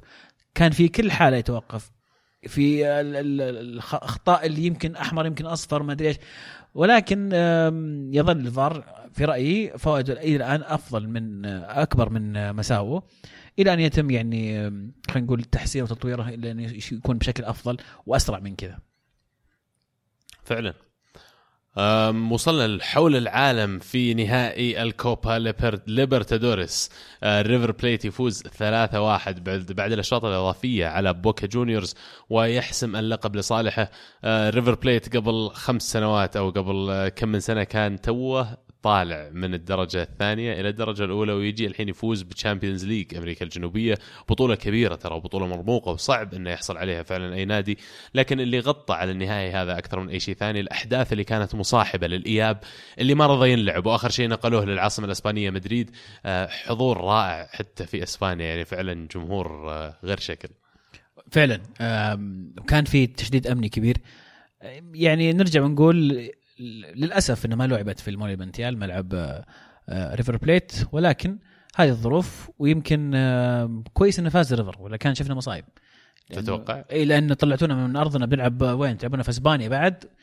بعدين آه، نخسر إيه. معلش بس واقعيا أنا تكلمت مع كذا أحد من محبين كرة القدم يقول إن كل نادي يتحمل مسؤولية تصرف مشجعيه فالمفروض المباراة هذه لما هاجموا باص بوكا جونيورز في الإياب المباراة منتهية ومحسومة 3-0 لصالحهم فبرضو في الجانب هذا ما. تحس قاسي شوي إلا إلا قاسي شوي بس في الأخير برضو ما تحس قاسي شوي مهاجمين لاعبين مكسرين باص وغاز مسيل للدموع وافلام يعني مش مش كورة يا أخي إيه،. حرب ذي. ما كان حل أو عقاب كافي تلعب بدون جمهور هذا هذا شيء يعني أنا عندي اهون من إنك تنقلها لإسبانيا. ال- البطولة بعد ما صارت المشاكل هذه أتوقع لما جت جهات كثيرة طلبت تستضيف النهائي عندها فتحت لهم جانب تسويقي وفتحت لهم جانب مالي. يمكن صار يقدر الناديين يستفيدون من لعب هذه المباراة خارج الأرجنتين وفعلا لعبوها في إسبانيا. يمكن في وقت مناسب أكثر لجميع سكان العالم. في مباراة كان آه، المشاهدات عليها عالية جدا. ففتحت لهم جانب تسويقي جانب ممكن يحصلون فيه على شوية فلوس وأتوقع الجميع استفاد منه. من الهاشتاج عزيز يقول من أمتع المباريات اللي تابعتها في نهائي القرن. بصراحة الريفر قدم كرة جميلة ولاحظت إنه عندهم لاعبين سريعين مرة. أما البوكا كان الشوط الأول كويس لكن الشوط الثاني والاشواط الإضافية الحارس حقهم نكب بالعفش وخاصة في آخر الدقائق انفلت من المرمى كل شوي وهو عند حارس الريفر. إريك جريتس يقول أيضا فرحت من أعماق قلبي لفريق دياز الفوز الأعظم في السوبر كلاسيكو. أنا big fan لجميع المدربين العظيمين اللي مروا على فريقي مورينيو هيريرا جيريتس يوردانيسكو كالديرون كوزمين وأخيرا دياز المدربين دائما مظلومين بال fans ويستحق دياز big fan زيي و hard luck للمهند. فعلا المهند طبعا من آه، محبين آه، البوكا. إيه، ما, ما يسمع فيهم ترى. اي لا أتكلم عن ناديين بوكا والرينجرز. يزعل ترى. غير كذا. ويونايتد. لا عادي. والهلال. لا يونايتد عادي. وكل عادي أهم شيء بوكا. عنده عنده. ارتباط عجيب مع انديه كثير أنا اكتشفت الرجال هذا متعصب يا أخي ما تتذكر. لما قعدنا نسال كل دولة مين يشجع يعطيك اسم؟ إيه ومو بس ترى يشجعهم. أنا أول احسب إنه يطقطق إنه يميل لهذا النادي. لا لا لا لا. يتعصب لهذا النادي في كل دولة. الظاهر بقى نيوزيلندا بس ما جاء على بالي اسال صدقني عنده عنده فريق هناك بعد؟ أوكلاند ما أدري إيش عرفت؟ إيه حبيبي. لا ويسب الفريق الثاني المنافس. شيء شيء غريب يا رجال. بس المباراة فعلا كانت ممتعة أنا والله سهرت عشان أتابعها. للأمانة يمكن تغيرت المباراه تماما لما انطرد آه، لاعب البوكا في شوط إضافي. طبعا في هذه المباريات ما يحكم فيها الاهد- الأهداف آه، خارج الميدان يعني هدف ما فيه بهدفين زي عندنا. الجميل في البطولة هذه إنه في الدور 16 ودور اقصائيه بشكل عام يحسب فيها الهدف بهدفين ولكن في النهائي تلغى هذه ال- القاعدة.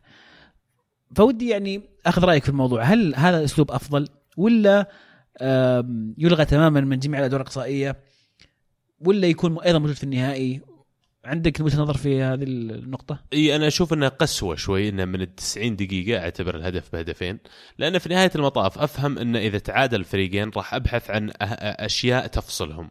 فإذا تعادلت 2 2 خارج أرضك وبعدين تعادلت 1 1 على أرضك إذا تتأهل فيها قسوة إذا صارت خلال 90 دقيقة. فأفضل إنه بس يعاد ترتيب ال ال الأفضلية. فيصير مثلا التعادل في البداية أهداف خارج أرضك لا تحسب تلعب الأشواط الإضافية وبعد كذا يحسب لك الأهداف خارج أرضك إذا استمر التعادل، لكن وجهة نظر المقابلة إن الأشواط الإضافية راح تلعب بس في مباراة الإياب. فمعناته الفريق اللي بيلعب المباراة الإياب على أرضه طبعا عنده أفضلية.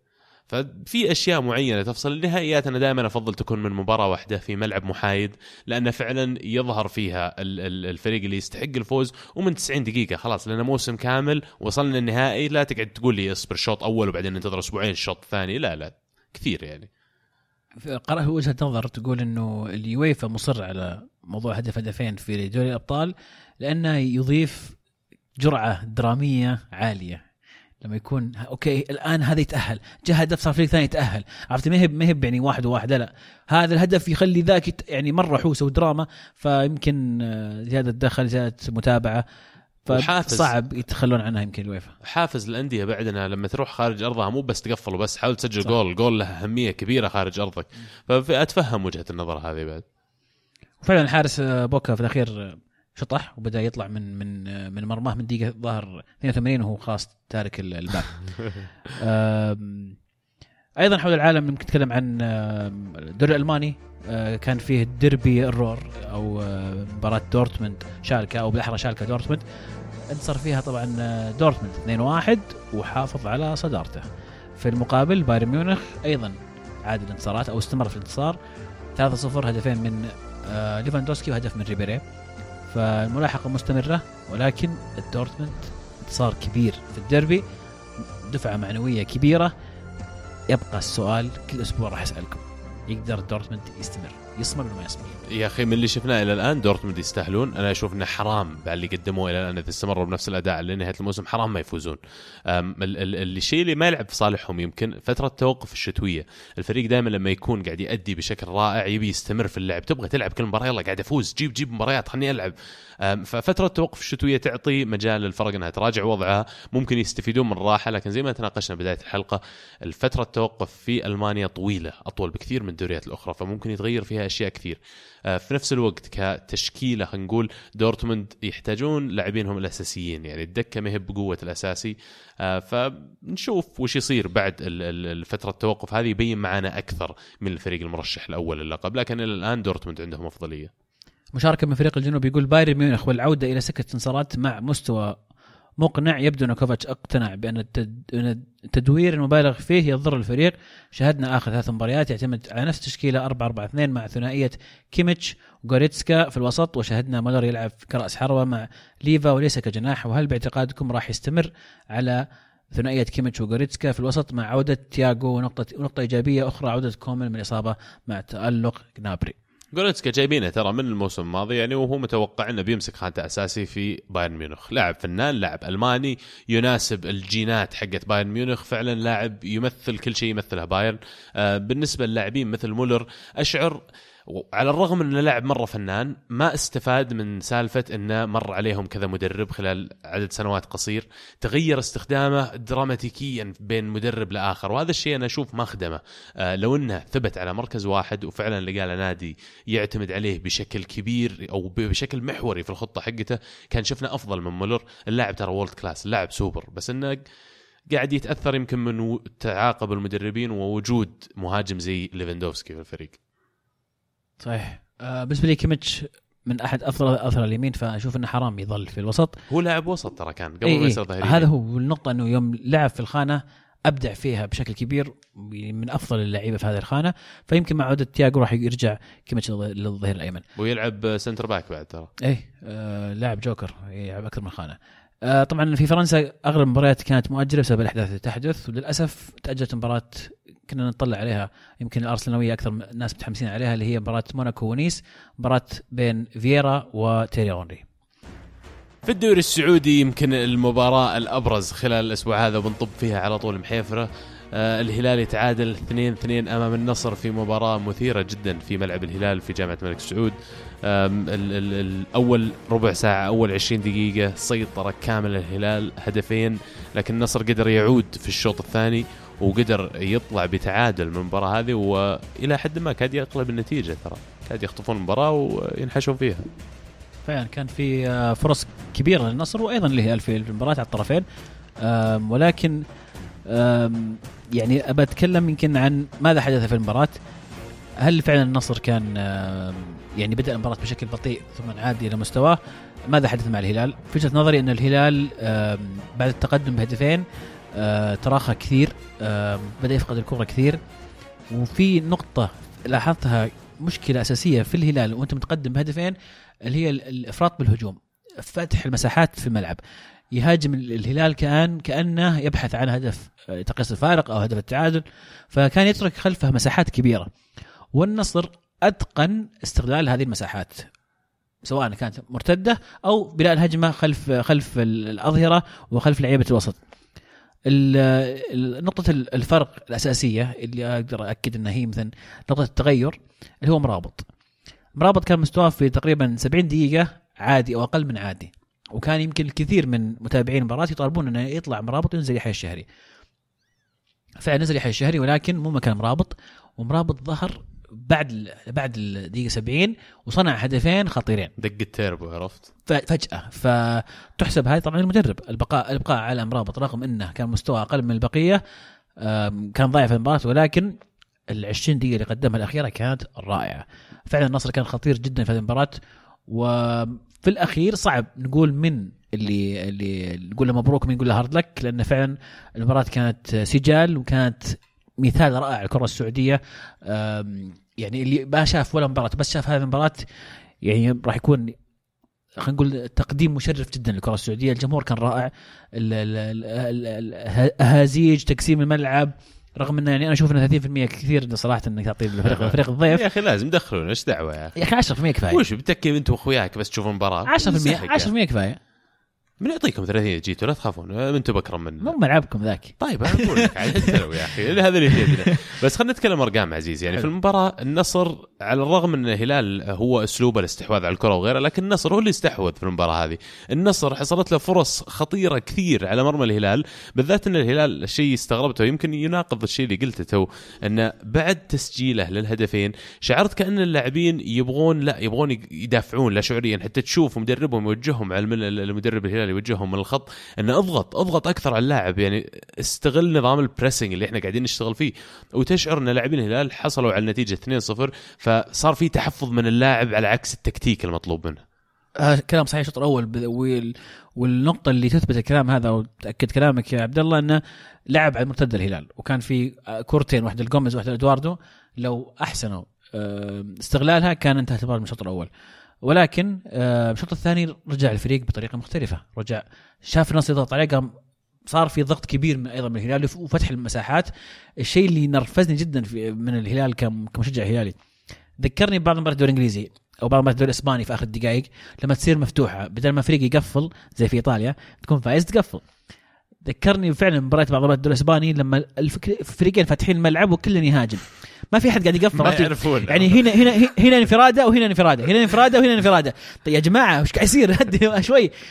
ف يحرق أعصابك كمشجع. إيه. فعلا. فكانت كانت سجال رائع. عدد تمريرات بعد النصر دبل عدد تمريرات الهلال. أنا يعني كل هذا لأني أنا مو متوقع. أنا أجي متوقع دائما الهلال يلعب بنظام الاستحواذ يلعب بنظام ال- ال- السبع سنوات العشر سنوات الماضية هذه هوية الهلال. إن النصر يجي وعلى الرغم من إن النصر ما هو في أفضل حالاته ويقدر يستحوذ على الكرة بهالطريقة في ملعب الهلال أنا بالنسبة لي يمكن ناقوس خطر شوي. لا لا بكل تأكيد أتفق معك. النصر كان أفضل في في المباراة بشكل إجمالي خلينا نقول. آه وترى أحيانا طبعا جميعنا نعرف إن مباراة الديربي ما لها ما ما تعترف بالمقاييس والظروف الخارجية أو اللي تسبق المباراة. آه ولكن أيضا آم، يظل السؤال هل هذا مستوى النصر لأن هذا ديربي ولا هذا فعلا هو مستوى النصر؟ وإذا هذا فعلا مستوى النصر محتاج مدرب جديد. حتى لو جارديم قرر إنه ما يتعاقد مع النصر ما تو... يعني فعلا هذا مستوى النصر. ولكن أعتقد إنه في كثير من المستوى اللي قدم في هذه المباراة يعود إلى أن كون مباراة ديربي وقدام الهلال. ولكن بكل تأكيد أتفق معك النصر كان يمكن هو الفريق الأفضل. ولكن ما أدري إذا يكفي إن نقول hard luck للنصر بالذات إنه هو جاي من تأخر بهدفين. صح إن البداية كانت بطيئة وهذه فعلا تعاب عليه. آه، موضوع جارديم كويس إنك ذكرتها أنا قاعد أشوف اللي الكلام في الصحافة والطقطقة والإعلام وغيرها بس يعني شهادة لازم أقولها. الشطحة مو بأن جارديم يرفض عرض النصر الشطحه ان جارديم يجي الرياض واصلا ينظر لعرض النصر. جارديم مدرب عالمي بكرة يا حبيبي ممكن يمسك مانشستر يونايتد بكرة ممكن يمسك ريال مدريد وما تقول إنه شطحة. قدم شيء رائع مع موناكو مدرب على مستوى عالي لو فعلا قدروا يجيبونه النصر للسعودية بيكون هو أعلى مدرب من ناحية بروفايل من المد- المدربين الموجودين. فالشطحة مو بإنه رفض صدقني الشطحة إنه أصلا آه، نظر للعرض اللي أنت مقدمه وجا الرياض وفعلا شاف شو اللي عندك. يقال إنه رفض السبب الأساسي بسبة عرض حط عينه عليه من إنجلترا سي سي المو مورينيو. يا عيني. على السريع النقطة اللي ما يعني أفضلها كثير لكن نتكلم عنها بشكل بسرعة هي التحكيم. أعتقد التحكيم كان ممتاز كان آه، جيد. ما أعتقد إنه في أخطاء كبيرة في هذه المباراة. يمكن البعض يقول في ضربة جزاء لسلمان الفرج. أنا شخصيا ما أشوفها ضربة جزاء. الحكم عاد الفار كثير وهذا الشيء اللي خرب المباراة شوي. لازم يكون في توضيح أكبر ال- الحالات اللي يرجع فيها الحكم للفار. مو بكل الحالات تستدعي إنك ترجع للفار لذلك في طاق- طاقم كامل جالس قدام ال- الشاشة ويشوف ال- اللقطات. أه، بشكل عام أرجع وأقول المباراة كانت رائعة جدا أه، والأجواء كانت رائعة وكانت يعني خير تمثيل للدوري السعودي والكرة السعودية. في نفس الجولة هذه عبد الله كان في بعض النتائج اللي بعضها مفاجاه بعضها متوقعة. اهمها يمكن القادسية فاز على الاتفاق في ديربي الشرقية 2-0 آه، الشباب فاز على أحد ما أتوقع إنه فيها مفاجأة. الاتحاد يستمر في آه، سلسلة الخسائر ويخسر من الفيصلي بهدف مقابل هدفين. آم، ما في فريق في الدوري السعودي بعد 12 جولة ما حقق ولا انتصار وقعد في الدوري السعودي. ما هبط خطر. هاشتاج خطر. هل ممكن يسوي الاتحاد ويطلع من ال- الوهقه اللي هو فيها؟ يعني ال- ال- الصراع ضدهم. وهذا شيء تكلمنا عنه بداية الموسم عزيز. قلنا إن الموسم هذا ما عاد في مباريات سهلة ما عاد في فرق ضعيفة. كل الفرق تم استثمار فيها. كلهم جابوا لاعبين من برا جابوا لاعبين على مستوى عالي جدا فما عاد في مباراة سهلة. والمشكلة لما تجي تقول إن الاتحاد يتفادى الهبوط طب على حساب مين؟ على حساب مين من الأندية الثانية اللي جمعت نقاط اللي فازت في مباريات. وضع الاتحاد صعب ما يحسدون عليه. أنا أتوقع اللي بيصير بتجي فترة انتقالات الشتوية الجاية الاتحاد بيصقع عليه يمكن ستة أو سبع لاعبين وبيجيب له مدرب. وحتى لو كانوا هذول اللاعبين هم الخيار الصح بالنسبة للاتحاد يمكن فات الأوان زي ما قلت خلاص. بس عندهم بلتش شو يسوي. قال لك وش سوي؟ أنزل أحرس مع الحارس يقول لك عادي يدخل أقوال. إيش لهم بس؟ يعني على الأقل هو اللي يختار خلوه هو اللي يختار لعيبة. هل هل فعلا المشكلة اللعيبه يعني لو قلنا البلتش عندك ميزانية مفتوحة وعندك عدد انت- انتقالات مفتوح غير سوي اللي تبي كن واقعي لو سوى كذا أكيد بتغير النتائج واقعيا يعني. هل يمديهم يطلعون من المأزق اللي هم فيه ما أعرف يحتاجون. سلسلة انتصارات متتاليه إيه إيه يحتاجون شيء إنه لو سوى نفس الشيء في النصف الأول من الموسم حققوا الدوري إيه. عرفت هذا اللي إيه. لازم يصير فالنصف الأول من الموسم أنت الأخير النصف الثاني من الموسم تحقق الدوري شيء غير واقعي وشيء غير منطقي أنا اللي أبغى أشوف إيش بيصير إذا يعني معليش بس سامحوني على الكلمة إذا هبط الاتحاد. وش يصير للاعبين والعقود بيلعبون في دوري درجة ثانية؟ على طاري العقود الاتحاد توهم وقعوا أكبر عقد رعاية في الدوري السعودي مع شركة نون نون. س- 60 مليون. هذه الدعاية غير مدفوعة لهم بعد. إيه من جد لا تقول طاريهم لو سمحت. مزعجيني. معلنين. خاء معلنين عند كل أحد ومخلينا يا أخي. أيضا من المباريات اللي جديرة بالذكر مباراة الوحدة والتعاون. التعاون فاز على الوحدة في مكة في الشرايع وبذلك يتخطى آه، الوحدة في الترتيب ويصعد إلى المركز الرابع. والمباراة الأخيرة اللي ودي أتكلم عنها اللي هي الرائد والأهلي اللي انتهت سلبية. بتعثر الهلال والنصر بالتعادل كانت هذه فرصة الاهلي تقص الفارق ولكن تعادل مع الرائد. أتوقع إنه يعني نفس مشكلة الميلان. تفريط النقاط. الحين من ضمن اللاعبين الكثير اللي جو الدوري السعودي مرة صعب يمكن لو نقول مين أفضل اللاعبين اللي استقطبهم الدوري. من ناحية ان أثرهم على الدوري نفسه والنتائج فرقهم وغيره. لكن مين ترشح من الأسماء؟ والله ال- بكل تأكيد أي. لازم يذكر آه، طبعاً. الهداف الدوري توامبا أحد اللاعبين الرائعين. كويس إنك ذكرته كنت بقول له هو الأول إيه. فعلا. آه جوانكا أيضا في لعيبة آه لاعب الاتفاق جوانكا من اللعيبه الممتازين. جنيني. جنيني جوميز وجودة جوميز. ك- كاسم إعلامي كبير. وقاعد يسجل. قاعد يسجل. في الاتحاد في في عفوا في النصر. أحمد موسى اسم كبير جدا يجذب الأضواء. لكن مرابط يمكن غطى مرابط عليه كأداء، الأداء. نعم، إيه. أنا مرابط- أتكلم كأداء الحين. كأداء بكل تأكيد آه، مرابط آه، في النصر. جوميز في الهلال. ولا يزال السومة ولا؟ السومة والله إلى الآن يعني مع إنه يعني يسجل. إيه، اي صح. ما بعد يعني مو جديد ما يعتبر جديد. فلا في في أسماء طيبة في في الدوري السعودي السنة هذه. فيعني الحلو انه الكويس راح يظل والسيء راح يروح ويتعوض بلاعب آخر إن شاء الله إنه يكون كويس ويستمر. آه هذا كله يؤدي إلى ارتفاع مستوى الدوري السعودي.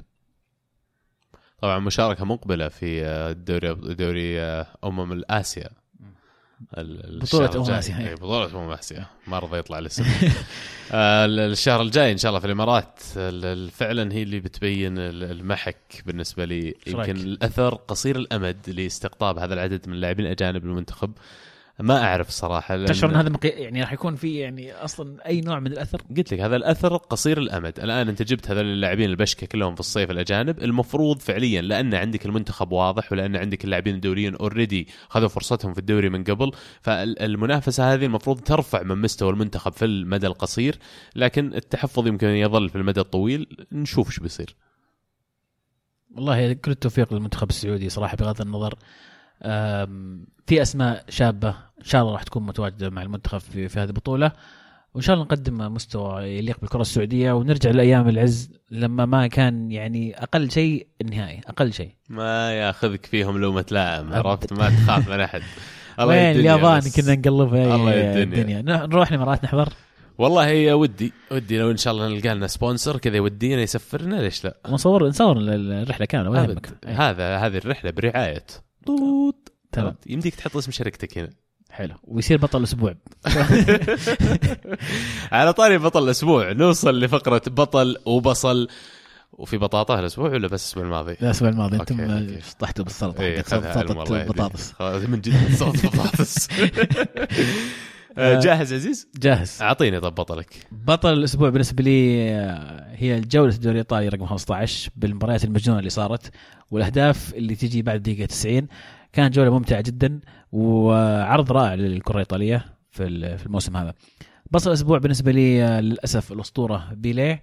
التصريحات الشاطحة اللي قام يطلع فيها آه، بالتحديد التصريح اللي ينتقد فيه ميسي ويقول إن ميسي ما عنده إلا شيء واحد. آه، أو موهبه واحدة فقط. ما يعرف يلعب براسه ما يعرف يسجل بيمينه ما يعرف آه، يتمركز. فيعني ما يحتاج حتى إني أذكر بأهداف ميسي اللي بالراس أسأل أي مانشستراوي يقول لك. نهائي نهائي الشامبيونز ليج يا أبوي. آه، ما احتاج أقول لك أهدافه اللي باليمين راح شوف كأس العالم الأخيرة. يعني يعني تصريح شاطح ولا منه أي فائده إنك تنتقد ليونيل ميسي. ما في أي فائده أنت يعني تبي تكسب مثلا حقين مارادونا بس ما يحتاج تنتقد ميسي وتقلل ميسي يعني شوف تعودنا من بداية تصاريح شاطحة تعودنا دائما ولكن انتقادك للاعب هو الأفضل أو من الأفضل في أو من أفضل اللعيبه في اخر 20 سنة. إذا لم يكن أفضلهم أشوف إنه يعني شطحه هدف الأسبوع هدف برونو ألفيش لاعب بارما. سجل هدف فاول رائع جدا على كيفو واللاعب مدافع يعني المفروض ما له شغل في بس آه، تعليقة تعليقة جميلة جدا. فعلا شكرا عزيز على مشاركتك. شكلك متوهق ترى عندنا مشاركتين على الهاشتاج كلهم بطل وبصل. تبي نقراهم أول ونرجع لك؟ تبي. أنا والله قاعد أفكر بالهدف. أنا البطل والبصل جاهزين. البطل عندي يعني هذا الأسبوع على الرغم من وجود ناس كثيرين برزوا منهم محمد صلاح اللي سجل هاتريك هذا الأسبوع يستاهل يكون بطل. كمان اللي يستاهل آه، عودة كالياري ضد روما بتسع لاعبين يعني مو بشيء بسيط يستاهلون بطل. لكن أنا بشطح شوي وبعطي البطل لازبيلكويتا على أدائه في مباراة مانشستر سيتي. فعلا آه، قل إننا نشوف في ال Premier League تحديدا المدافعين يقومون بأدوار دفاعية وبمجهود دفاعي في مباراة واحدة بالحجم اللي قام فيه أزبيلكويتا في المباراة هذه. آه شيء رائع يعني اللي سواه مو بسيط ويستاهل بطل هذا الأسبوع. آه أما البصل لهذا الأسبوع آم، يعني في كمان خيارات كثيرة ممكن أقولها منها آه روما اللي هو خيار الأول خلينا نقول اللي آه، رمى تقدمه 2-0 ورجع تعادل 2-2 مالك عذر يا روما؟ تسع لاعبين ضدك استرجل صف عند الباب واسترجل. آه، الهدف يعني ابقسمه جزئين وبعطي ميسي الجزء الأول وميسي الجزء الثاني على الأهداف اللي سجلها في المباراة. آه، يستاهل يعني لأنه ما أعطيناه البطل في- الجولة هذه أعطيه أهداف الأسبوع رائع. طيب ناخذ من الهاشتاج أيضا آه، بطل وبصل من الهاشتاج. عازف الليل يقول أبطال الأسبوع. ميسي ومحمد صلاح الاداء الخرافي. بصل الأسبوع. جائزة الفرانس فوتبول الكرة الذهبية أعطاها لمودريتش مهزلة. هدف الأسبوع هدف آه، آدم وناس لاعب نابولي. فعلا هدف رائع. كان هو الهدف الثاني حقي صراحة. حلو بدينا نشوف بدينا نشوف لعيبة آه، غير ميرتنز وانسيني وكاييخون يشاركون مع مع نابولي ويبدعون أيضا. فبادرة جيدة. تحيم يقول نجم الأسبوع نور الدين مرابط. ما يحتاج نقول ليش واضحة. آه، بصل الأسبوع سباليتي تبديل بوليتانو والاصرار على مشاركة بيريسيتش طوال 90 دقيقة رغم أن كيتا بالدي ب form ه عالية. فعلا أنا استغربت أن كيتا ما كان أساسي في هذه المباراة رغم أن آخر مباراتين كان يقدم مستويات رائعة. هدف الأسبوع هدف ريكاردو سابونارا لاعب سمبدوريا في مرمى لاتسيو بآخر دقيقة. هدف جميل ووقت قاتل. شيء بضيفه بعد يمكن ما تكلمنا عنه في فقرة Premier League بس على طاري بطل وبصل بعد. من الأشياء اللي دائما كنا نمدحها في أوناي إمري مع ارسنال قدرته على تغيير شكل الفريق وتكتيك الفريق بين الشوطين وسوي سالفة اللي أبدل لاعبين بين الشوطين آه، عشان أغير شكل الفريق. وفعلا دائما تاتي نتيجتها. يعني ارسنال خلال ال 17 مباراة الماضية إذا ما كنت غلطان ما خلص الشوط الأول وهو متقدم في ولا واحدة منهم. ومع كذا النتائج إيجابية. فتحسب لك إنك فعلا تقدر تشوف إن الفريق مو قاعد يزبط معه وتغير شكل الفريق وتكون جريء تغيرها بين الشوطين لكن بعد 20 ولا 25 مباراة روق أمري من البداية جابها صح. من البداية شوف التكتيك اللي ينفع وابدأ فيه. ننتقل لهاشتاج آه، الكرة معنا. من آه، مشاركة من خالد يقول أهلا يا أصحاب ليش ما يكون بعقود المدربين متطلبات معينة وعدم تحقيقها تتم إقالته بدون تعويضات مالية أو ضمانات؟ مثلا لو افترضنا عقد مورينيو فيه بند يشترط فيه ضمان مركز مؤهل للأبطال أقل شيء كان شف كان شفناه وقف صياح وركز على تطوير فريقه. بما أنه ذكر سابقا اقالته مكلفة للإدارة. يعني والله مشكلة إذا المدرب بيساوم الإدارة يقول ما تقدر ما تقدر تقيلني أنت أصلا. يعني في في بند يقول إنك تدفع لي 10 مليون فكيف تقيلني أصلا؟ ما هو هذا في الأخير العقد اللي تختار الإدارة؟ عقد ديفيد مويس مع إدارة مانشستر يونايتد كان ينص فيه. إذا ما تأهل مانشستر يونايتد لدوري الأبطال يحق لهم إقالته بدون أي تعويض. وهذا اللي صار انتظروا لين تأكد آه، رياضيا إن ما يقدرون يتأهلون من ناحية الأرقام آه، أو رقميا تحدد إن ما يقدرون يتأهلون واقالوه آه، في نفس الشيء أنت ما تقدر تجيب مدرب له خلينا نقول سمعة وله CV كبير مثل مورينيو إلا بيشرط عليك تحط في العقد شرط جزائي ما تقدر تقيلني ما بجايك. ففي المقابل هي شيء يتفق عليه الإدارة مع المدرب توجد مثل هذه الشروط ومثل ما هي تقال يقال عليها في عليها محفزات و bonuses. فأنت إذا جبت في ال top four لك المحفز الفلاني لك مليون إذا حققت اللقب لك كذا إذا في في أشياء كثير يدخلون فيها. ف شيء موجود الآن. آه، PXR يقول أحب أهدي سباليتي بصلة على إخراجه بوليتانو اللي بسببه قدر كانسيلو يرتاح ويتقدم ويصنع الهدف الوحيد. شيء ثاني دي تشيليو مستواه هذا الموسم جدا عاجبني اللاعب تطور كثير على المستوى الهجومي والدفاعي. أتفق معك. ديشيليو فعلا كان جيد دفاعيا بالتحديد يعني يمكن إضافة كبيرة من ناحية الدفاع. تعودنا الاظهره نزعة هجومية كبيرة وتقل مشاركتهم دفاعيا أو أو فعاليتهم الكبيرة دفاعيا. ديشيليو من أهم اللاعبين في, الدفاع ولكن يظل عليه ملاحظات من الناحية الهجومية لكن نجم الخط في هذيك المباراة كان كليني بكل يعني بكل تأكيد كان رائع في الدفاع. آه يرجع ويثبت إنه من الأفضل في العالم. كانت مباراة رائعة لكليني. ماتويدي ما ننسى أيضا كان له دور كبير في المباراة في يعني اقتناص الكور وسط الملعب. ريان يقول آه، إيش رأيكم في الجولة 12 من الدوري السعودي؟ صار فيها أشياء كثير. احتجاج النصر سحبة جارديم ديربي الرياض هاشتاجات الاتحاد نون سنابة نور متحمس الحلقة الجاية. تقريبا نتكلم عن أغلب هذه المواضيع في أشياء يعني ما يحتاج نتكلم فيها يعني. صراحة أنا ما أتابع محمد نور على سناب شات. RDR 2 يقول أها هذا اللي نبي نوصل له. الآن انفتح الدوري الإنجليزي على مصراعيه. ما في إلا الليفر اللي ما خسر ولا مباراة. الصراحة أتمناهم ياخذونه. هل تتوقعون سبب خسارة المان سيتي هو رجوع تشيلسي بقوة بعد انتكاسه؟ والله سؤال جيد. يعني أتوقع كل مباراة ظروفه ما أتوقع إنه انتكاسة المباراة السابقة لها دور. يعني شوف هذا من الأشياء اللي حكينا عنها قبل شوي. كل شيء كل صغيرة وكبيرة تحدث على الملعب مع أندية كرة القدم لها أثر على المحصلة الكلية. فلا تستبعد إن أي شيء له دور. بس اللي صار إن تشيلسي نزلوا بأسلوب معين حالفهم الحظ إنهم قدروا فعلا يطبقونه بدون ما يدخل على مرماهم هدف ونحاشوا بالمباراة. مشاركة من عبد الله. طبعا عبد الله مشجع لتوتنهام عشان تكون في الصورة. السلام عليكم. هذه أول مشاركة لي. سبب مشاركتي كلمة عبد الله بين قوسين زلايب.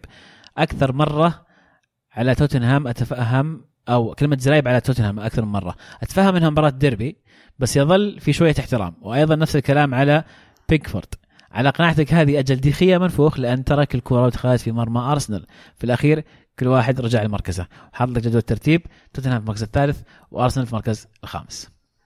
أول شيء يا اخ عبد الله أنا أعتذر لك ولجمهور سبيرز فعلا يمكنني قسوت عليكم شوي. بس زي ما قلت مباراة ديربي وأول من بدأها لاعبكم.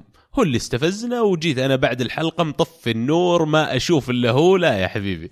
فانا أنا على الجانب حقي أعتذر انه يمكن قلت كلام آه، قسوت فيه عليهم ولا قلت كلام ما ينقال خلينا نقول. آه، بس في الأخير مباراة ديربي وفزنا فيها يا أخي ولاعبكم قاعد يصيح. أرجوك لا تصف بس يعني, يعني. رجع رجعت لمركزكم أنتم. والله اصبر خذوه موسمين عرفت استانسوا بس قادمون. الملاحظة أتفق معه في موضوع بيكفورد. أعتقد ان قسوت عليه في الحلقة الماضية عبد الله. آه يمكن يعني آه غلطة فادحة خلينا نقول ولكن حرام تمسح من الصيف إلى اليوم وهو يقدم من كأس العالم وبداية الموسم مستويات رائعة. ممكن يكون أفضل حارس في, في الدوري الإنجليزي السنة هذه. يعني آه، خلينا نقول نقا... up to up to نقاش. لكن إيه. لكن يعني يمكن لأن قدام إدرسون وقدام آه، أليسون. أليسون دفاع أفضل من دفاع آه، إيفرتون. ولكن إرجع شوف ال- الصد اللي سواها أليسون. الظاهر إنه في مباراة إيفرتون. شيء لا لا لا, لا هين أليسون واليسون بالذات- أليسون. أليسون بالذات كموهبة الحالة هو الأفضل بكل تأكيد في الدوري الإنجليزي ما أختلف. لكن كمستوى كمستوى مقارنة بالظروف مو بالأفضل لكن بيكفورد أحدهم في السنة هذه أنت من الناس المفروض تعرف وجهة نظري على بيكفورد من كأس العالم وإحنا نحكي من وإحنا في روسيا وكنت أقول لك أنا غير مقتنع منه الحارس هذا بالعكس والله كان في كأس العالم كان مفاجأة أنا. عارف بس أنا وجهة تماما وجهة نظري كنت قايل لك إنه هو من اللاعبين اللي طا- طالعين فورة أنا أنا أشوفهم آه، مثل حق سيتي اللي قبل جو هارت إيه. فلاعبين يطلعون يفورون عندهم يعني نوع- نوعيات الآن هي اللي مخليتها مخليتهم يتميزون لكن لما يجي للمحك ولما أجي أشوف أنا عشر سنين قدام أنا ما أشوف إن بيكفورد فعلا عنده الأشياء اللي تعطي الحارس آه، خلينا نقول آه، القدرة إنه يكون من أفضل الحراس في الدوري ولا في العالم. آه، بيكفورد أنا أشوف ان فخوه الإنجليز وأنا من وجهة نظري يعني ولو كان برضو من الأشياء اللي قسوت عليهم في الحلقة الماضية يمكن الكلام هذا لكن أنا من وجهة نظري غير مقتنع منه ولا أشوف إنه من أفضل الحراس Premier League يجون قبله ناس مرة كثير فبوجهة نظري وتحتمل الصح والخطأ يعني. بس على طاري أليسون. وش قاعد يسوي؟ وش قاعد يسوي؟ وش تل وش تل شاطح يعني أنا أنا خبره في روما يعني رائع. كان فعلا فعلا رائع. وتوقعت له النجاح مع مع ليفربول. بس آه، كل ما له كل ما له يتحسن. كل ما يتحسن. فقاعد الآن ينافس على الأفضل في العالم مع نزول مستوى دخيه ف هبال هبال اللي قاعد يسويه مو شيء عادي. بعض الصدات اللي قاعد يسويها يا أخي من كوكب آخر. يعني معليش وش ما عندك جاذبية؟ روقني يعني اللي عايش على القمر.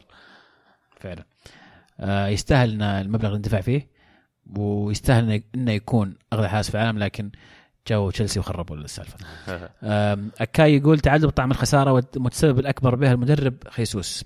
تتقدم 2-0 باول 20 دقيقة ثم ترجع ورا وتعطي النصر الكره بكل أريحية وتقول لهم ألعبوا وتلعب بمرتده مع جوميز من المفترض دخول سلمان بداية الشوط الثاني وتلعب بكاريو وإدواردو وسالم كهجمات مرتدة. حيم يقول دربي الرياض أوفى بالوعود دربي ممتع جدا فرص كثيرة. وإهدار بالجملة من الفريقين. أقدر أقول شوط هلالي وشوط نصراوي مجملا هيلدر بعد سحبه لإبراهيم غالب ودخول يحيى الشهري أعطى مرابط الحرية الهجومية بعدم الرجوع ومساندة الدفاع والإمكانيات الفردية؟ فرقت كثير مع النصر. فعلا هذا التغيير كان مهم جدا واستغربت أصلا البدء بإبراهيم غالب.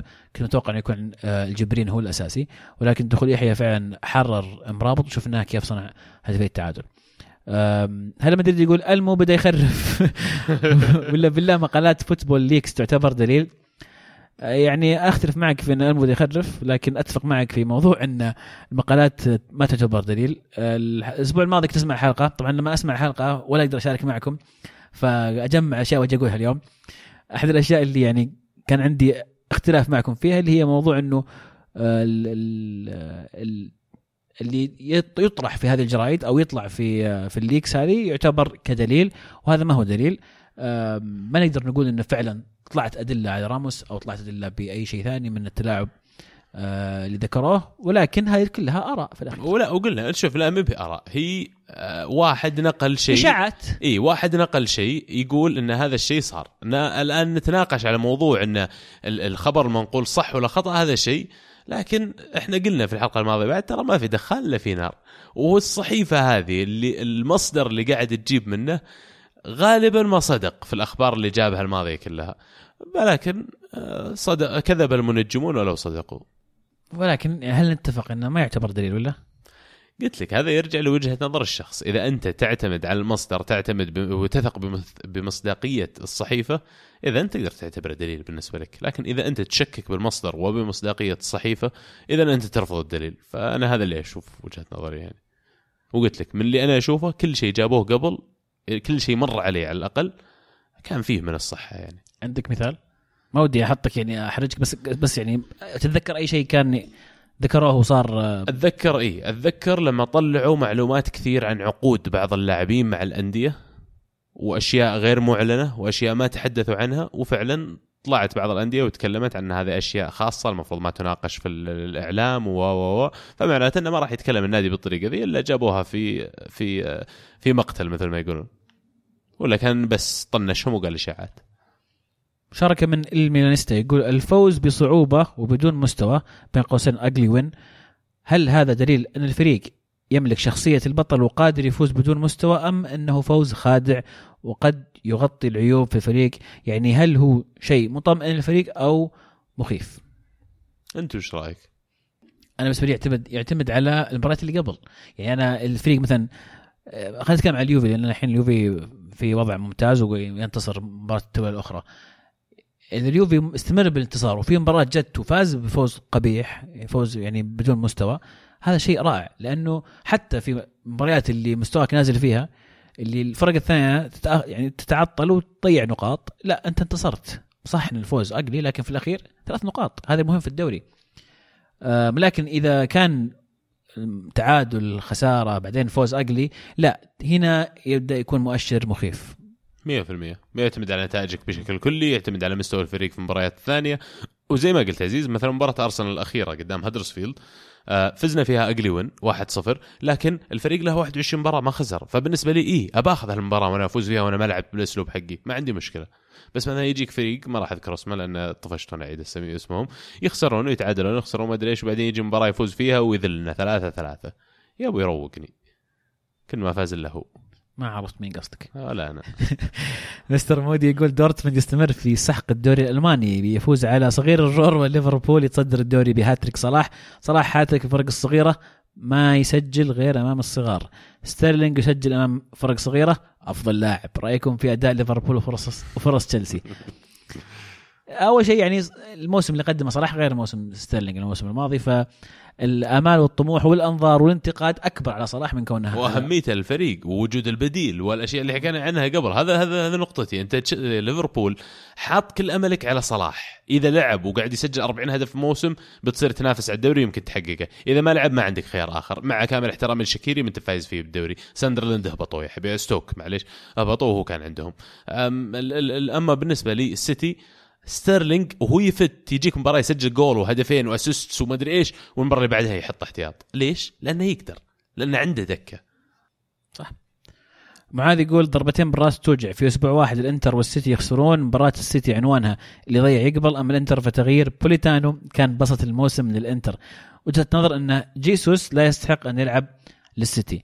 طبعا الجميع يتفق على تغيير بوليتانو إنه كان بصلة الجولة يمكن.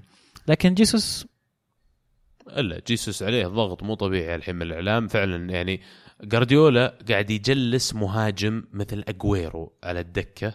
أنت لازم تت... يعني تفهم معي إيش يعني أجلس أجويرو على الدكة. الناس ترى ما أدري إيش ماخذين الموضوع طبيعي. كأن ليفربول يوم إن عندهم سواريز مثلا يحطونه على الدكة.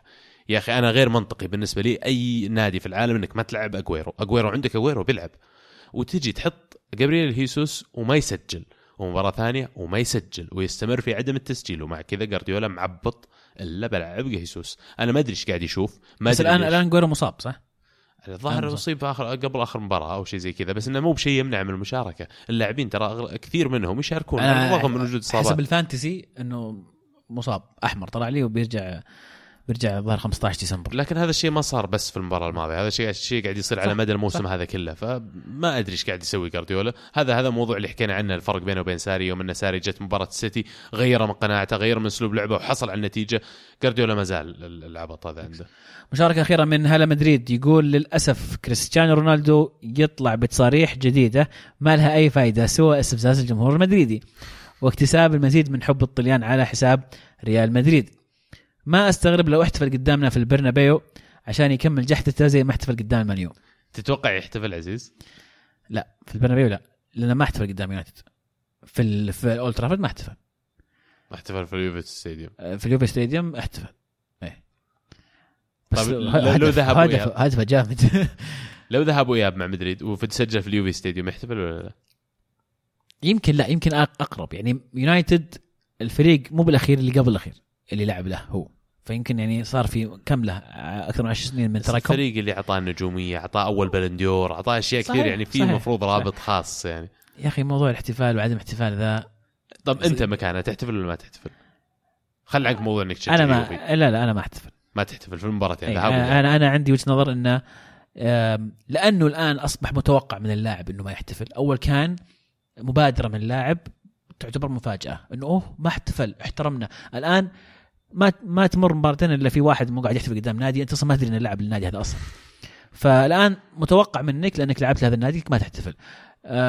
تسع سنين مع ريال مدريد حققت معهم كل شيء أنت أسطورة هذا النادي. آه، شخصيا أشوف إنه الأفضل إنه ما يحتفل. ليش ليش تخسر جمهور زيادة؟ إذا هذا الشيء الآن ممكن يؤدي إنه يتحسس أحد منا أو تخسر الجمهور تخسر حب الجمهور ليش تسوي؟ ما ابتعد عنه لا تسوي لا تحتفل. ما أتوقع إنه في أحد يشجع اليوفي بيزعل إنك ما احتفلت. لا. عادي سجلت أنت. أما موضوع التصاريح آه واضح إنه في شيء قاهره كان آه في مدريد وشاف شيء قدر يقارنه بالبيئة اللي كانت هناك. ذكرت نقطة مهمة يا عبد الله إنه ترى تو جاي فما بعد يعني يكون صورة كاملة وشاملة. ولكن هذه الأشياء اللي لاحظها في البداية يمكن ما توفق إنه طلع وصرح هذه. تخسر بعض الحب من جمهور ريال مدريد ولكن في الأخير يظل أسطورة قدم الكثير لريال مدريد وما أعتقد إنه كلمة ولا كلمتين راح تغير هذا الشيء. أحب أقول لك يا عزيز انقضى تقريبا 15 إلى 17% من عقد رونالدو مع اليوفي. أوه والله بسرعة. إيه، واحد على ستة راح. هو ثلاث مواسم موقع. أربعة. أربعة متأكد؟ إيه okay. أربعة. واحد على أربعة. لو تد... لو تبي أذكرك وين جاني الخبر حق الانتقال أتذكر ترى كنا وياك سوا في في الإرميتاج في سينت بيترسبرغ اوه جاني يوفي جاني يوفي. لا لا لا لا, لا مستحيل مستحيل. كان تو طالع إشاعة لسه ما رسمي. جاني توقع صدق يا أخي توقع ممكن نسويها يعني. لا أنت جيت قلت لي ترى الأخبار قاعد تطلع؟ قلت لا لا مو صدق. وافتح والاقي ج- كل كل جوالي كل عبارة تويتر عن رونالدو رونالدو رونالدو رونالدو. وال وال mentions الشباب كاتبين ها بيجيكم بيجيكم بيجيكم. وانت ما تبي تنجرف أنت اي أنا أقول لا لا. لا لا, لا عشان ما ينكسر قلبك إيه. دخل جواب جيبه وقاعد طالع اللوحات والأشياء عرفت؟ المهم إلى الآن أنا ترى ما بعد استوعب إن رونالدو في اليوفي إلى الآن يعني غريب الوضع شوي. قلها قلها. كريستيانو رونالدو على يوفنتوس. يعطيكم ألف عافية أحبائنا وأصدقائنا على مشاركاتكم وأسئلتكم و الطرح اللي طرحتوه لنا في الهاشتاج. شاركونا أيضا الأسبوع القادم على نفس الهاشتاج الكورة underscore معنا واللي ما يشارك ترى بيشب عليه عبد الله. والله صدق ومعليش مرة ثانية أعتذر عن أي أحد أخطي عليه في الحلقات الماضية في الحلقة هذه في الحلقات القادمة مقدما الحين. ترى والله مو بالقصد إني أخطي على أحد بس إن الواحد يقول رايه يعني وال- واللي يرضى من يرضى ولا يسخط من يسخط أنا ما راح أجامل أحد أنا بقول اللي أشوفه. وحنا في الأخير قاعدين هنا ترى برنامجنا سواليف. إحنا جايين نسولف. وز- وزي ما نحترمكم عرفت إن أنتم قولوا اللي تبغونه أبد. وننقل وجهة نظركم طالما ما هي بجارحة. وهذا هو أهم شيء ما يكون في يعني نضغط على أحد أو نقلل من أحد نجرح أحد. في الأخير إحنا قاعدين نسولف ولا بد من ال ال- يعني ها المحارش الخفيف ال- ها عرفت الحركات هذه يعني ها زي توتنهام وأرسنال الهلال والنصر هذه أشياء يعني هذه أشياء حلوة في الكرة منافسة طالما ما هي طبعا دائما في إطار ال- ال- الاحترام وما تكون فيها إسقاطات أو آه، إساءات. كيف؟ وهذه ال- هذه برعاية كلام كبير والله هذا يبي لنا رعاية والله يا شباب إيش السالفة؟ شوفوا لنا راعي يا أخي نون يمين يسار قاعدين يرعون طيب يجونا يا أخي نون، ميم، أي شيء،. أي حاجة. أي حرف. من جد كذا فعلا يعطيكم العافية على مشاركاتكم معنا ونكون وصلنا إلى نهاية هذه الحلقة. آه نتمنى نكون تكونون استمتعتوا معنا فيها ونكون غطينا أغلب المواضيع اللي عليها الكلام في الدوريات الأوروبية وحول العالم خلال الأسبوع الماضي. نذكركم تتابعونا على جميع حساباتنا على التواصل الاجتماعي. تابعونا على تويتر على يوتيوب SoundCloud iTunes Snapchat لا تخلونا rate subscribe انشر أي شيء يا حبيبي معاك دوس. ونذكركم كمان تتابعون ألعاب dot net لكل ما هو ألعاب كانت الكرة معنا والحين الكرة معكم. تمام.